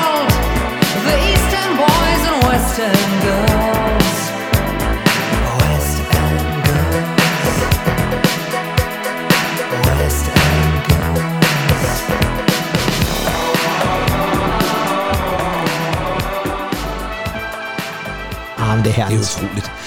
Hvad er der med de her West End Girls? Hvad er der med de her Western hvad- Girls? De møder jo East End Boys. Ja. Og så opstår der sød musik. Sæt, sæt lige scenen. Er vi i London? Er vi... Ja, vi er i den grad i London. Det her det er jo nærmest måske det mest ultimative 80'er London-nummer, der nogensinde Ja. er skrevet. Det er virkelig, virkelig London med alt, hvad der tilhører. Og det er jo også det, der er så fantastisk, fordi hvis man ser musikvideoen, som er sådan virkelig 80'er kitschet, så går de jo også bare rundt i Ja, London, de det to. rigtigt. Og, øh, og det må måske også derfor, den blev lidt et stort hit i USA, fordi det der, uh, det der spændende London, hvad er det for noget et eller andet sted? Ikke? Altså, de får virkelig sat London på kortet, vil jeg sige. Og er, selvom de begge to stammer fra henholdsvis Newcastle og Blackpool. Til, jeg skulle lige, den skulle lige, jeg var lige ved sige Birmingham. Så, øh, så er det jo et, en London-gruppe, det vil jeg da helt sikkert sige. Helt vildt. Ja. Og nummeret er jo produceret af Stephen Hague, som jo også har produceret mange andre gode 80'er tracks. Men øh, det, der er lidt interessant, det er, at jeg også altid bliver klogere på det her nummer. Det er ikke så lang tid siden, jeg hørte et interview med Stephen Hague, hvor han sagde, at i starten, hvis man lytter til starten af nummeret, så er der, kan man høre, at der er en eller anden kvinde, der siger et eller andet. Og det er efter sine en eller anden, som har set, at de er ude at optage. Og det, så man, han har faktisk, i, i interviewet, der hører man faktisk det isolerede stykke, og det hun Åh, siger, det er, sjovt. hun siger, get on the microphone. For hun ligesom opfordrer sine veninder til at komme ind, sådan, så man- de lyder som om, de er med i mikrofonen. Og det er så med i sangen. Så hun siger sådan et eller andet, get on the microphone. Og det, hvis man lytter rigtig godt efter, kan man tydeligt høre, det er det, hun siger ej, det. det sjovt. Og det har jeg aldrig vidst. Jeg har Ej. aldrig vidst det, før at det, det var nærmest sidste år, eller, et eller andet, jeg fandt ud af det. Så det er vildt, hvordan man stadigvæk bliver klogere på et nummer fra 85. Ej, hvor, hvor, hvor vidunderligt. Ja, det er faktisk lidt sjovt, ja. Track nummer 6 på øh, CD2, der har vi at gøre med en gruppe, som jeg er helt overbevist om, folk kender. Og det er lidt sjovt, fordi vi går fra Western Girls med Pet Boys over til bandet Go West, Ja. som jo også er navnet Uh, på en sang, som Pet Boys har haft stor Ej. succes med. Og her der skal vi have fat i et nummer, som de havde meget stor succes med i 80'erne, nemlig det nummer, der hedder Ja. We Close Our Eyes.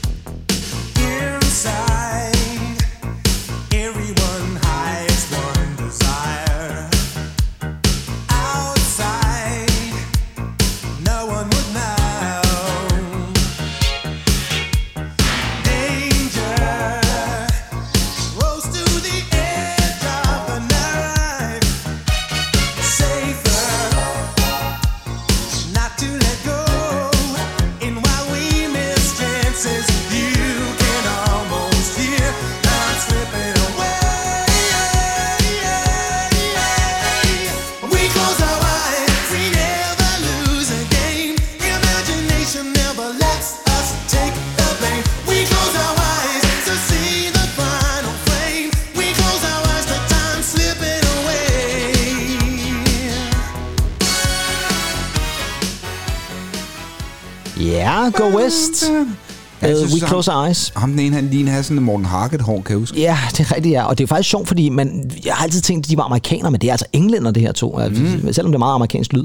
Jeg tror, de fleste måske bedst skal huske, ja, lige præcis, King of Wishful Thinking, som jo var et af soundtrack-numrene fra Pretty Woman, Ja, som vel er stadigvæk en af dine yndlingsfilmer egentlig. Ja, det er jo fantastisk. Hold, hold, hold, hold. Ja, det er en god film, ja. en Virkelig god film. Ja. Men øh, Jeg vil lige sige, at det her King-nummer der, det blev altså spillet på Karen Maren i nullerne. ja, det gjorde det. Og det, kæft, det der blev spillet meget, øh, og jeg har også hørt Lassen spille det. Ja, ja, men med, med, 100 cover, coverbandet der. Klassisk uh, Lassen-nummer også. eller andet Rigtig sted. klassen. Ja, helt sikkert, ja. Altså gå West er lige med Lassen. Ja, men Go West er altså øh, rimelig fornuftig hit, en tredjeplads på den engelske scene, det, det tænker jeg da meget godt, ja. Andy, øh, når vi lyttede til den her øh, compilation Now 85 op i Casa Penthouse i de gode gamle dage, så var der altid et nummer, Lige som vi præcis. virkelig, virkelig grovlyttede. Det skulle vi have med. Det skulle vi have med. Og altså, det, det, det er jo sådan et nummer, som jo et eller andet sted også er en 80'er klassiker, og men det er også en af de mere mærkelige numre fra 80'erne. Fordi øh, her på track nummer 6 på CD2, der har vi altså endnu en af de sange, som gik nummer 1 på den engelske single-liste. Og det er et nummer, som jo er en mand ved navn Paul Hardcastle. Ja. Og øh, ham er der måske ikke så mange, der kender, men når man lytter til det nummer, så kender man det. Fordi her, der er en sang, som handler om, hvor unge soldaterne var i Vietnamkrigen. Kan man lave en sang om det? Ja, det kan man da. Og den hedder 19. In World War II, the average age of the combat soldier was 26. In Vietnam, he was 19. In, in, in, in, in, in Vietnam, he was 19. In, in, in, in, in Vietnam, he was 19. In, in, in, in Vietnam, he was 19. Ni- ni- ni- 19.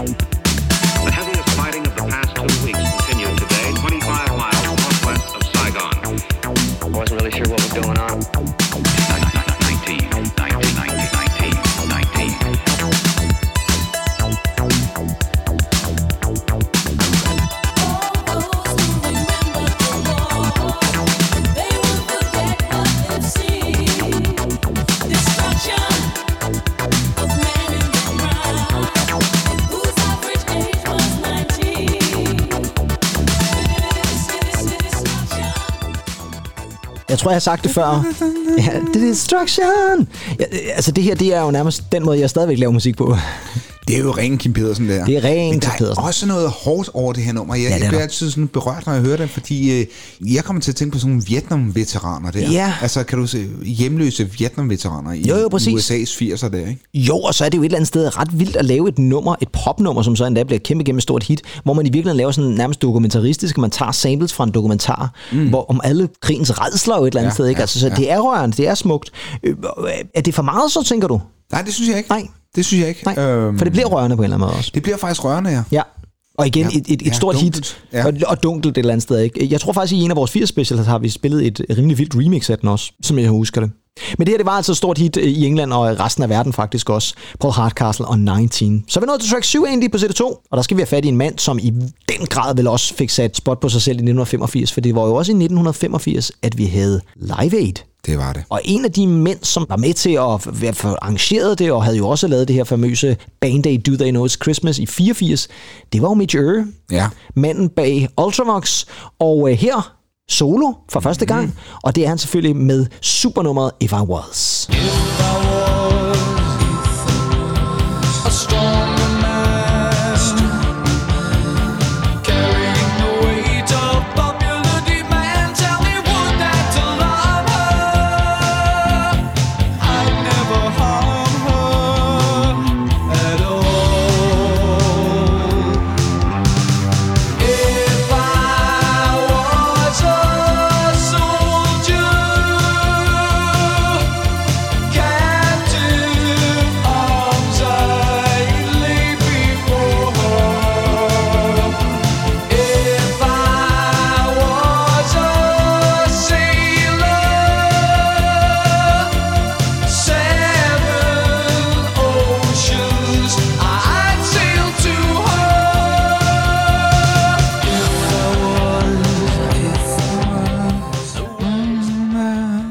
er et nummer et hit, vi snakker om her, er egentlig. fantastisk. Tror du ikke også, at, fordi man kan sige, selvom Ultravox er store, og Mitch Ure selvfølgelig også er stor, tror du så ikke også, det kommer lidt i forlængelse af, at den mand jo bare i medierne konstant i 85? Altså, er han, er han så, jo, jo, jo, altså, altså. nummer også går nummer et, ikke? Han var Altså, fuldstændig urørlig. ja, fuldstændig, Ikke engang hans ure nede fra Vordingborg. Nej, nej. Kunne, kunne nå ham, vel? Kunne, kunne nå ham, nej. Der er faktisk en ret kendt mand, der spiller bas på det her nummer. Bum, bum, bam, En syngende basspiller, skulle jeg måske- Jamen, I, det er ikke Sting, du tænker på? Ah? Mark, Mark King fra Level 4020. Nå ja, det er da rigtigt. Ja, han spiller det kan faktisk- sgu selvfølgelig godt Det kan man faktisk godt høre lidt Ja. på det her nummer, ja. Han spiller i hvert fald med på det her nummer. Og øh, Ure, ja, altså, der er en mand, mand, som har betydet meget for den engelske Ja, musikindustri, helt, Helt sikkert, vildt. Track nummer 8, der har vi en gruppe, som på det her tidspunkt har eksisteret i sindssygt mange år, og har lavet nogle helt andre musikgenre. Vi nærmest har lavet noget, der er nærmest mere elektronisk og lidt postpunket, jeg ved ikke hvad. Og så er det som om, at der i 84-85, der finder de så deres rigtige lyd. Og det fører til gigantiske hits, og øh, en performance på Live Aid faktisk, der i 85, som ja. Øh, ja, virkelig tager alle med storm. Og det er selvfølgelig Simple Minds, Ja. som vi her på track 8 får med nummeret Alive and Kicking.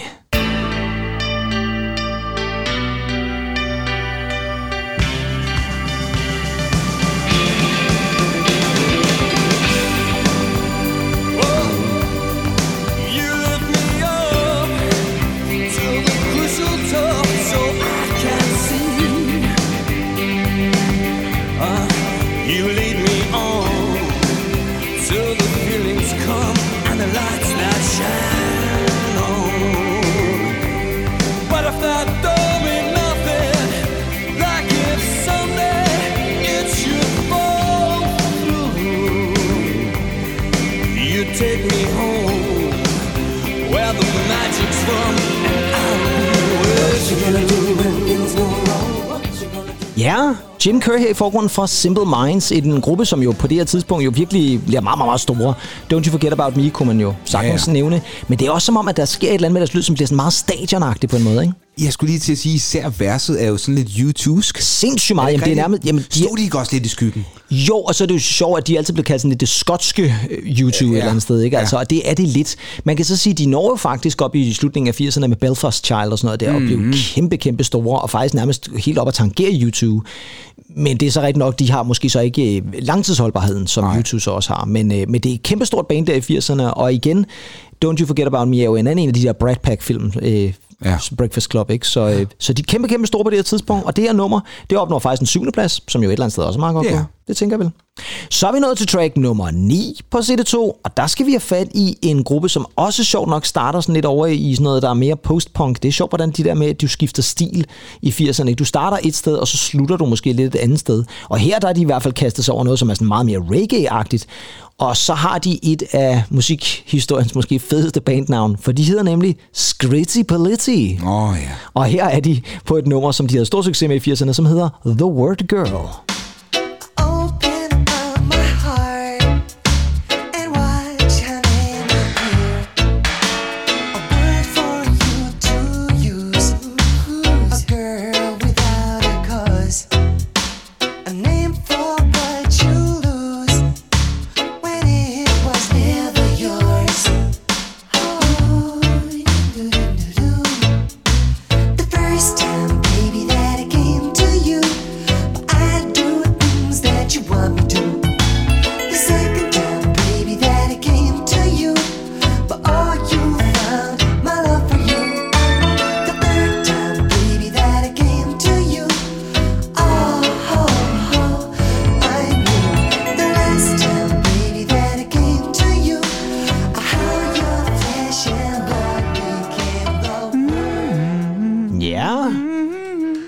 Meget fedt omkvæd, synes jeg. Ja, ja, Ja. Og alligevel lidt svært at synge også. Ja, sindssygt meget svært, ikke? Og så er det noget med the first time I came to, the second time I came to. Det er sådan meget den klassiske ja. Opbygning der ja. et eller andet sted. Skritty på lidt egentlig et forhold til dem?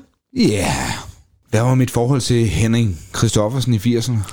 Ja, altså, lidt det samme niveau, du har der et eller andet sted. Ja. Ja, et eller andet sted, Ja. faktisk. Ja, det her det var jo øh, et sådan rimelig pænt hit, men det er igen også en af de her bands, som sådan, jeg tror mange kan huske af navn, men måske ikke sådan rigtig af numre. Mm. Altså The Word Girl her, det var jo et, en faktisk måske deres største hit, men, men igen, altså, hvor mange kan lige øh, nynne det til en musikquiz eller et eller andet, ikke? Altså, ja, det, det, det tror jeg er et super fedt navn i øvrigt. Ja, super fedt navn. Skritty Police. Skritty Politti, ja. ja. Så har vi at gøre øh, øh, på track nummer 10 her med en mand, som er faktisk mest kendt for sit skuespil, men som er til lige laver lidt musik også. Og øh, det er en mand med navn Jimmy Nail. Jimmy Nail. Ja, det siger der ikke rigtig noget. Nej. Nej. Han øh, var sådan en rimelig semikendt tv-skuespiller der i 80'erne, og her, der får den alt, hvad den overhovedet kan trække på et kæmpe nummer af proportion. Det her, det er et nummer, som faktisk gik nummer 3 på den engelske single-liste. Det her er Love Don't Live Here Anymore. Don't you know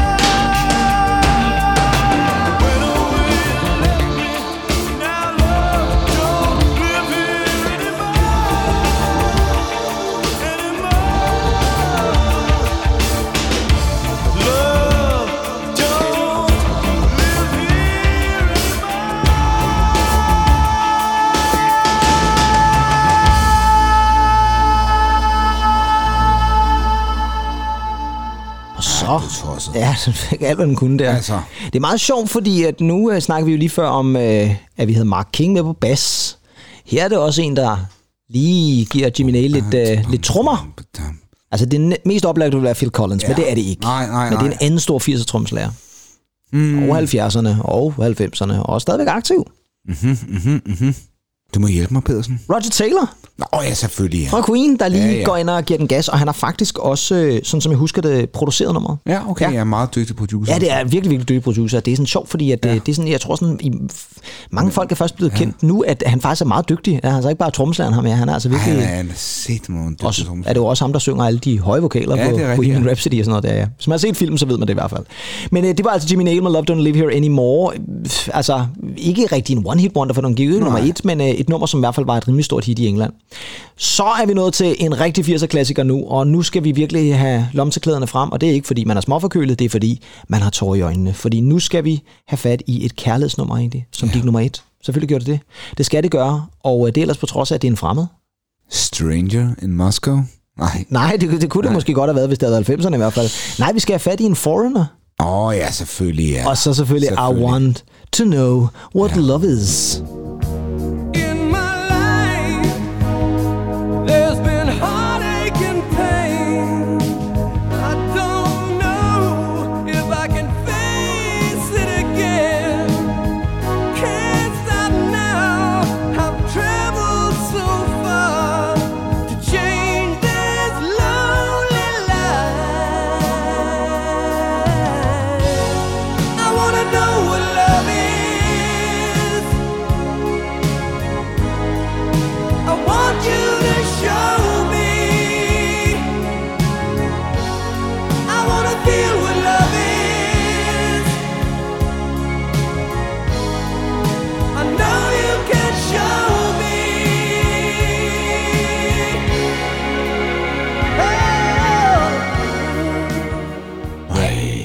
Sensuelt. Ja, det må man sige, ja. Og også lidt Opel Kadett-agtigt. Altså, hvis vi forestiller os, at vi hører natradio og kører, det er i 1985, ikke? Ja, lige præcis, ja. ja. Det er efter, at Harald er faldet, i søvn, så om, tror jeg.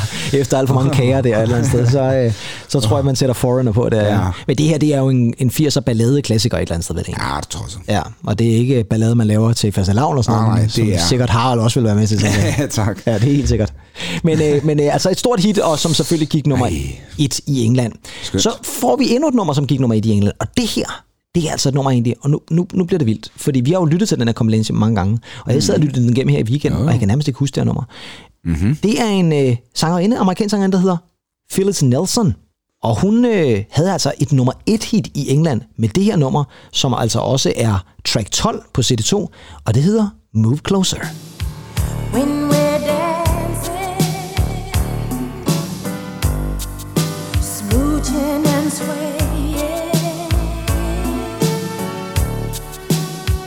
tender love song,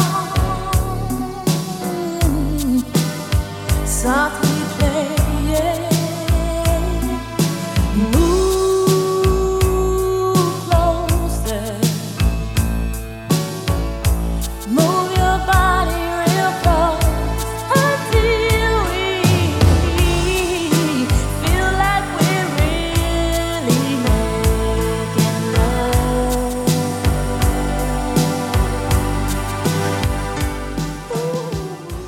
eller andet sted, så tænker jeg mere, at jeg vil kunne se sådan et nummer være et hit i USA.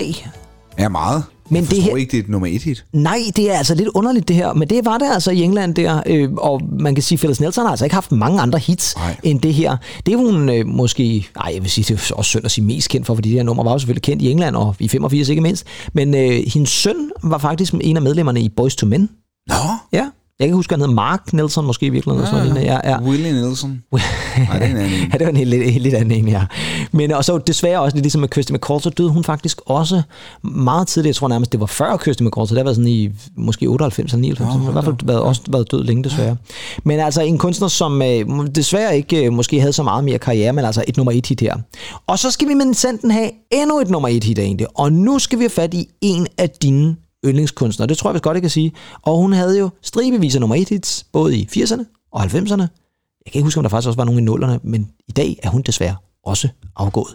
Og øh, for nylig der udkom der en film i biograferne, som mange har set, og øh, som nogen har synes om, og nogen synes mindre godt om. Men en ting, man ikke kan tage fra hende, det er, at det her det er et nummer, som alle bør synes om. Fordi det her er selvfølgelig track nummer 13, og det er Whitney Houston, ja. Saving All My Love For You. But no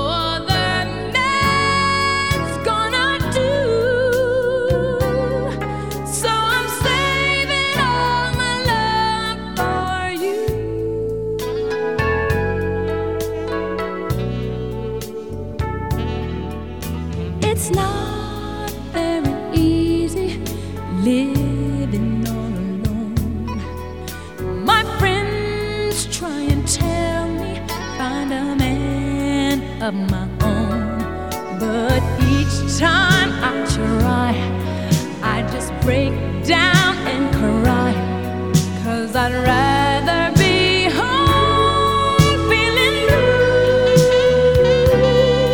So I'm saving all my love for you. Yeah. Der er ikke så meget at sige til det der. Hun er, hun er jo bare utrolig. Ja, men, og det her var jo altså et stensikkert nummer 1 hit i England på, Ja. på hitlisterne og i 85 og alt det der. Og øh, man kan også sige, at Whitney Houston, Saving All My Love, fordi det, er egentlig, stadig- det slår mig nogle gange det der med at sige, allerede i 85. Altså, man, jeg kommer altid til at tænke på sådan noget, Wanna Dance With Somebody fra 87 og sådan noget. Ikke? Men allerede 85. Ja. Bum. Al sin, sin kærlighed til Ja, dig. Ja til, til mig eller til dig, ja. eller Ja, ja. hvem det nu var. Øh, Frank Farmer måske. Frank Farmer måske, altså sådan, det allerede havde, havde gjort klar i kakkeloven til, til en bodyguard der et eller andet sted, ja. ja. Men, øh, ja. men Whitney i hvert fald, og hun er meget, meget savnet, og øh, igen garant Jeg for- elsker hende. Ja, det, hun er også fantastisk. Bare fantastisk. Ja. Vi er nået til track nummer 14, og øh, det er lidt som om, nu vi bevæget os over i det amerikanske. Vi havde Phyllis Nelson, vi havde Whitney Houston, og nu skal vi have fat i mere amerikansk, for vi skal have fat i en husband and wife duo, som hedder Ashford and Simpson. Ja.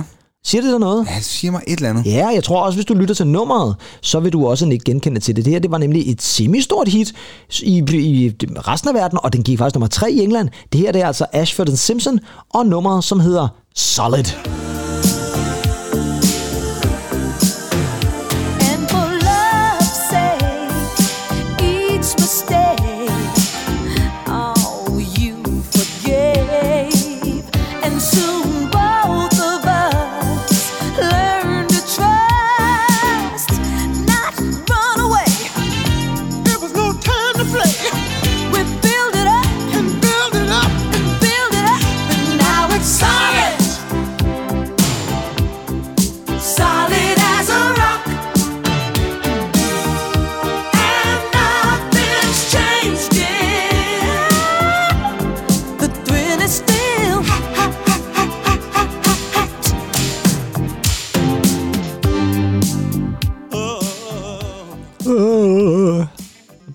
Ashford lidt, lidt træt der til sidst måske i virkeligheden.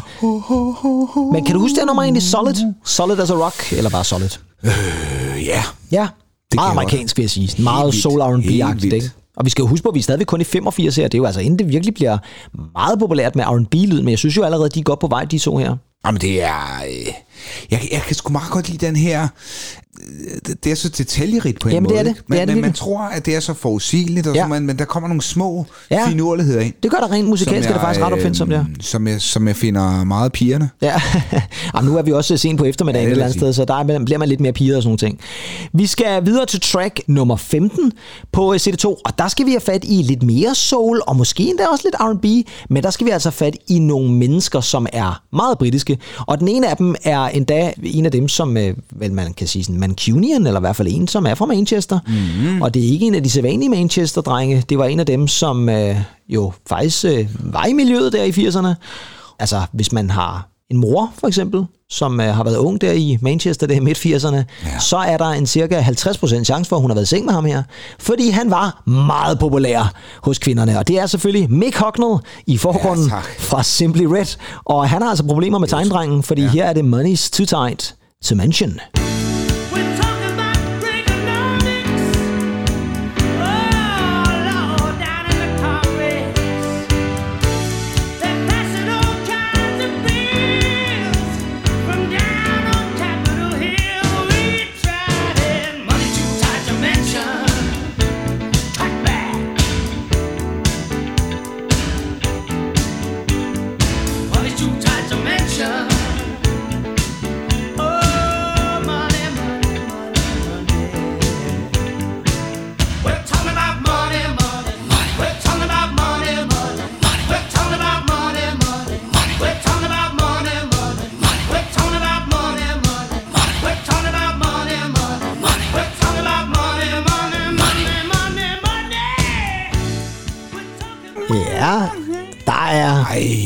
Det er meget sjovt, ikke? Fordi at når man tænker på, hvor meget på røven han egentlig er ifølge hans øh, sangtekst her, ikke? så er det egentlig vildt, hvor meget han snakker om det, vil jeg så sige. Det er Ikke? helt vildt. Talking about money, money.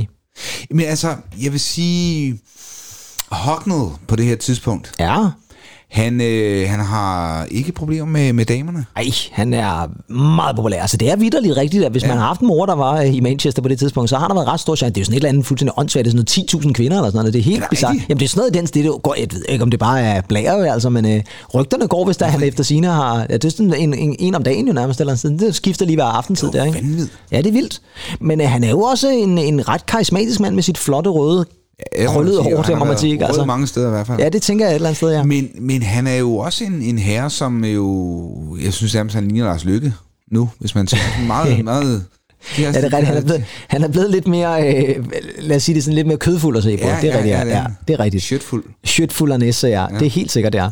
Men Simply Red i hvert fald. Et nummer, som øh, faktisk øh, kun i godsøjne opnåede en 13. plads på den engelske single. Det, det, men der kom jo masser af store hits fra Simply Red. helt vildt, helt Og det kulminerer med albumet Stars der i starten af 90'erne også, som var en kæmpe, kæmpe, kæmpe sælger. Ja, det er skægt. Track nummer 16 på CD2, der skal vi have fat i en gruppe, vi allerede har haft fat i, nemlig Eurythmics. Men her, der har de slået sig sammen med The Queen of Soul, og vi havde fat i hende i vores Grammy-program, mm-hmm. hvor hun sang opera. Nu ja. skal hun synge popmusik, når det allerbedste det er selvfølgelig Eurythmics, sammen med Aretha Franklin. Og et øh, kvindeforkæmpernummer, kan vi vist godt kalde det, Ja. med Sisters Are Doing It For Themselves.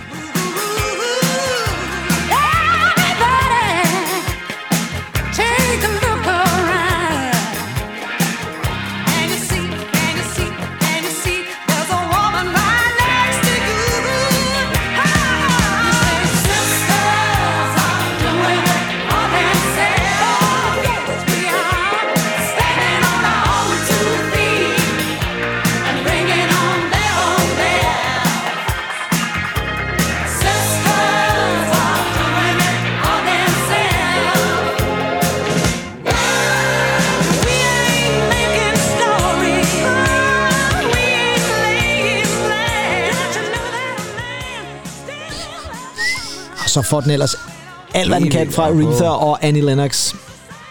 Jeg altid synes, deres stemmer klæder hinanden så godt i det her nummer. Vidunderligt. Altså, det er fantastisk. Og den Ja. der musikvideo, hvor de står, og så er der bare en masse sådan, kvindelige øh, ikoner i baggrunden, og de står bare og giver den max gas. Det er så fedt. Ja. Jeg tror faktisk ikke engang, Dave Stewart er med i musikvideoen. Det passer Ah, jo et eller andet sted meget godt. Jo, et ja, sted. ja, Det er bare de to ja. kvinder, der skal i forgrunden. Og de havde jo mange hits der i øh, 80'erne, Eurythmics, men øh, det her, det var altså endnu et af dem. Går nummer 9 på den engelske single-liste, men bliver et gigantisk hit i USA faktisk, og det kan man jo godt forstå, når ja, de lige har taget Aretha med her. Ikke? Og Eurythmics var faktisk ret store i USA. Altså, de havde mange store hits i USA. Det var jo Ja, ikke alle britiske nej, nej, nej. bands, der slog igennem derovre. Så øh, track nummer 17, der skal vi have fat i et nummer, som igen, jeg kan være lidt i tvivl om, du måske kan huske egentlig, fordi hvis jeg siger James Ingram, Og så kommer jeg til at tænke på ham der, der snød i Hvem vil være millionær. Ja, han hed, han hed Charles Ingram. Charles Ingram, Charles. Ingram, ja. Det var, ham, der, det var ham, der hostede Ja. ja. under, under millionærspillet. ja. Ja, det må man nok sige, ja.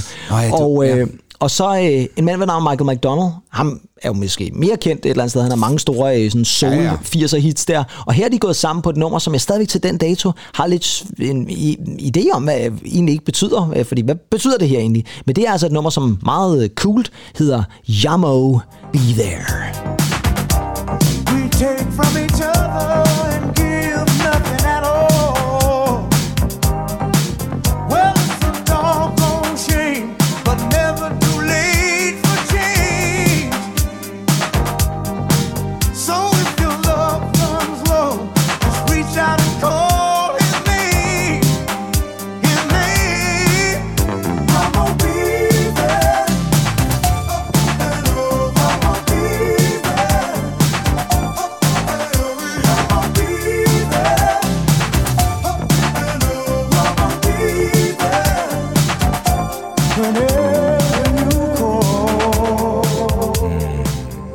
meget lækkert et eller andet sted, ikke? Gråskægget Michael McDonald. Gråskægget Michael McDonald. Og så, så har jeg igen det der med titlen, ikke? Altså, det lyder jo virkelig som om, det er sådan en eller anden danskificering af et eller andet. Altså, jeg må være der. Jeg må be there. Ikke? Altså, jeg Må jeg- må jeg være? Må jeg være her et eller andet sted, ikke? Altså, men øh, det her, det er altså et øh, rimelig stort hit der i 80'erne med Michael McDonald og James Ingram. Og jeg skal lige høre øh, Michael McDonald. Ja. Kan du huske, hvilke band han var med i? Nej, det kan jeg ikke lige på stående fod. Øh, En af Nillers yndlingsband. Nå, Doobie Brothers. Ja, det er rigtigt, ja. ja. Det var han da også, ja. ja. ja. Øh, Men det var også, det blev overtaget, efter han gik ud, så var det øh, hans bror Ronald McDonald, der fortsatte det. Med et vis Ja, McDonald's-tema der et eller andet sted. ikke? Ja, lige vil sige, ja. ja. Så er det det. er en eller anden fond også. lige præcis, ja.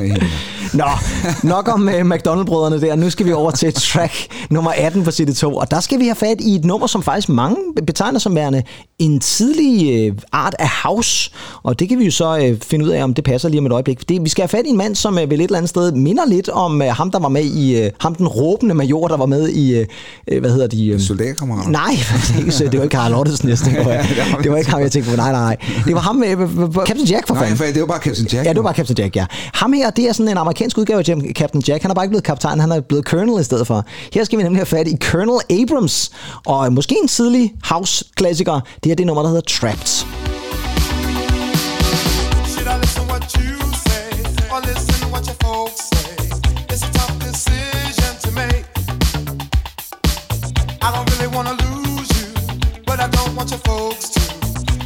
To the hands of the law.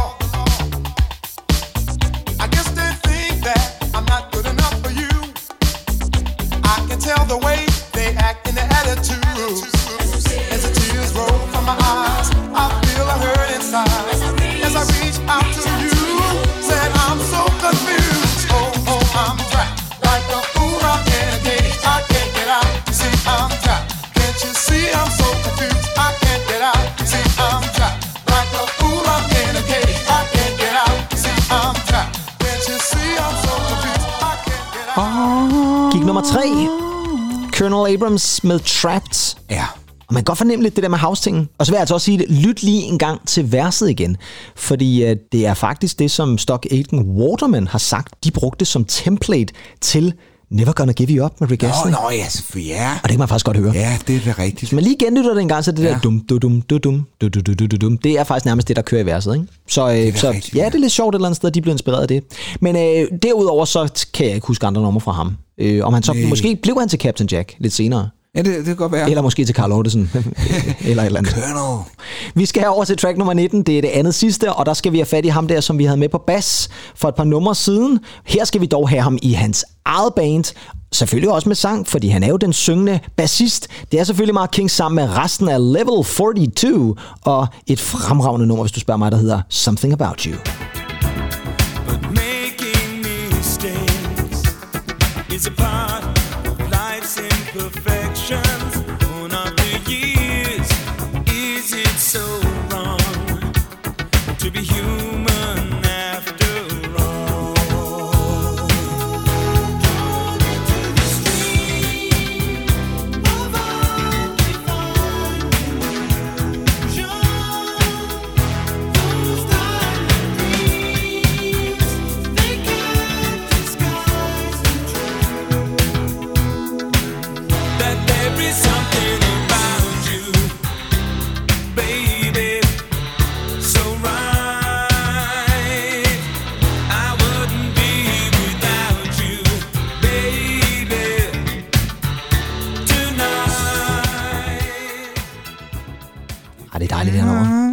Jeg kan huske vores gode gamle ven over fra Esbjerg. Henrik. Ja, Henrik, Han ja. var meget stor level 42 Ja, fan, det er rigtigt, ja. Han var Han meget var- glad for det. var kæmpe. Og især Mark King, han var meget begejstret for Mark King, kan jeg huske. Det er rigtigt, ja, Henrik, ja. Men Level 42 havde jo mange store hits der i øh, 80'erne, og der kom endnu flere. Og jeg tror rent faktisk også, det er sådan en af de der grupper der, som rigtig mange musikere faktisk beundrer rigtig, rigtig meget, men jeg tror altså også virkelig, de, de har altid slået mig som sådan nogle søde gutter, altså sådan nogle rare gutter, sådan nogle man tror jeg kunne også. tage ud på poppen ja. og drikke en lille pils med efterfølgende, ja. Og så Ja, lige, de, de er steppet op til, til level 42 der, ikke? ja lige præcis. Ja, Ikke? Ja, ja, så er vi godt deroppe ja. et eller andet sted, ikke? Ja, det er godt. Det her nummer, det gik nummer 6 i England, og øh, ja, det var i hvert fald et fremragende nummer. Så er vi nået til sidste nummer Ja. på CD2, og det sidste nummer på vores compilation, og vi skal selvfølgelig slutte næsten på toppen, vil jeg sige, fordi vi skal slutte med en gigantisk 80'er-kunstner, som selvfølgelig skal være med på sådan en compilation. Og ja. det er et øh, nummer med en gruppe, som øh, faktisk allerede havde været ude på det her tidspunkt noget tid, fordi det var egentlig med på et nummer, som hed Last Christmas, Ja. men øh, den løb med al opmærksomheden, og derfor blev det andet nummer, der var med på den her dobbelt A-side, blev glemt lidt, og det er ellers på trods af, at det er et nummer, som så senere gik nummer 1 i USA. Mm-hmm. Det er selvfølgelig Wham! og Everything She Wants. Now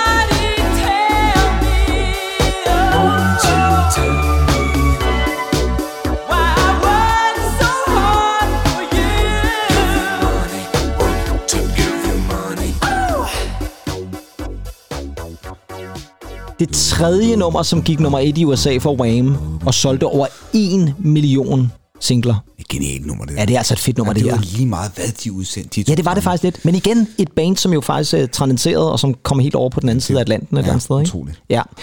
Sidste nummer. Hvad tænker du egentlig efter øh, så mange øh, år? Så mange år. Ja, øh, holder den stadigvæk 85 Det gør år? den. Ja, det gør den jo. Det gør den jo.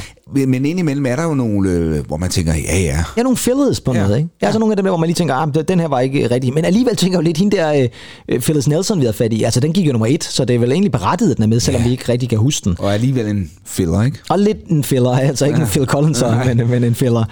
Jeg vil lige sige, jeg sagde jo i starten af programmet, at hvis man nu har lyst til at købe den, så kan man altså ikke købe den. Og man kan heller ikke købe Millennium Edition, altså man kan købe den brugt sandsynligvis. Men sidste år i november, der udsendte Now, fordi de blev jo stadig udgivet, de udsendte en Now 1985 Yearbook, hedder den. Og det er altså fire CD'er Ja. med nogle af de største hits fra 1985. Og jeg skulle hilse sige, at 24 ud af de her 40 numre er faktisk med på. Ej. Så man kommer meget tæt på, og der får man altså endnu flere 85 hits. Og hvis man så køber den compilation, som kommer lige om et øjeblik, som hedder Now 85 Yearbook Extra, så får man endnu flere 85 hits, og så får man da et par ekstra mere, som også var på den her. Så man ryger faktisk helt op på 26. Det er fremragende. Det, det, det minder mig helt om TV-shop der. Jamen, det er TV-shop. Hvor, hvor, hvor man fik nogle CD'er, og så, så hvis man lige ventede 5 sekunder med. Men vent, der er mere! ja, og så var der også Ja. ja. lige et sæt kokkekniv. Så fik man lige knæ, køkkenkniven med også, lige præcis, ja. Men øh, på den her øh, Yearbook Extra, der er så også et nummer, som jeg gerne vil have, vi slutter af med, fordi en af de kunstnere, som ikke er med på vores compilation, og som faktisk ikke har været med på særlig mange compilations dengang, fordi de var lidt aparte. Nu snakkede du om indie-pladeselskaber Andy, Ja, i starten af ja, programmet. ja. Det er en af Factory Records bandsene, fordi en af de bedste albums fra 1985, det er et album, der hedder Lowlife. Ja, og det er udgivet af New det er godt. Og øh, de har lige genudgivet det faktisk i sådan en lækker boks, som man kan købe. Den er lige udkommet, så man kan gå ned og investere i den. Den er ret dyr, den koster over 1000 kroner. Til gengæld får man både koncerter, og man får albumet med, man får nogle outtakes med.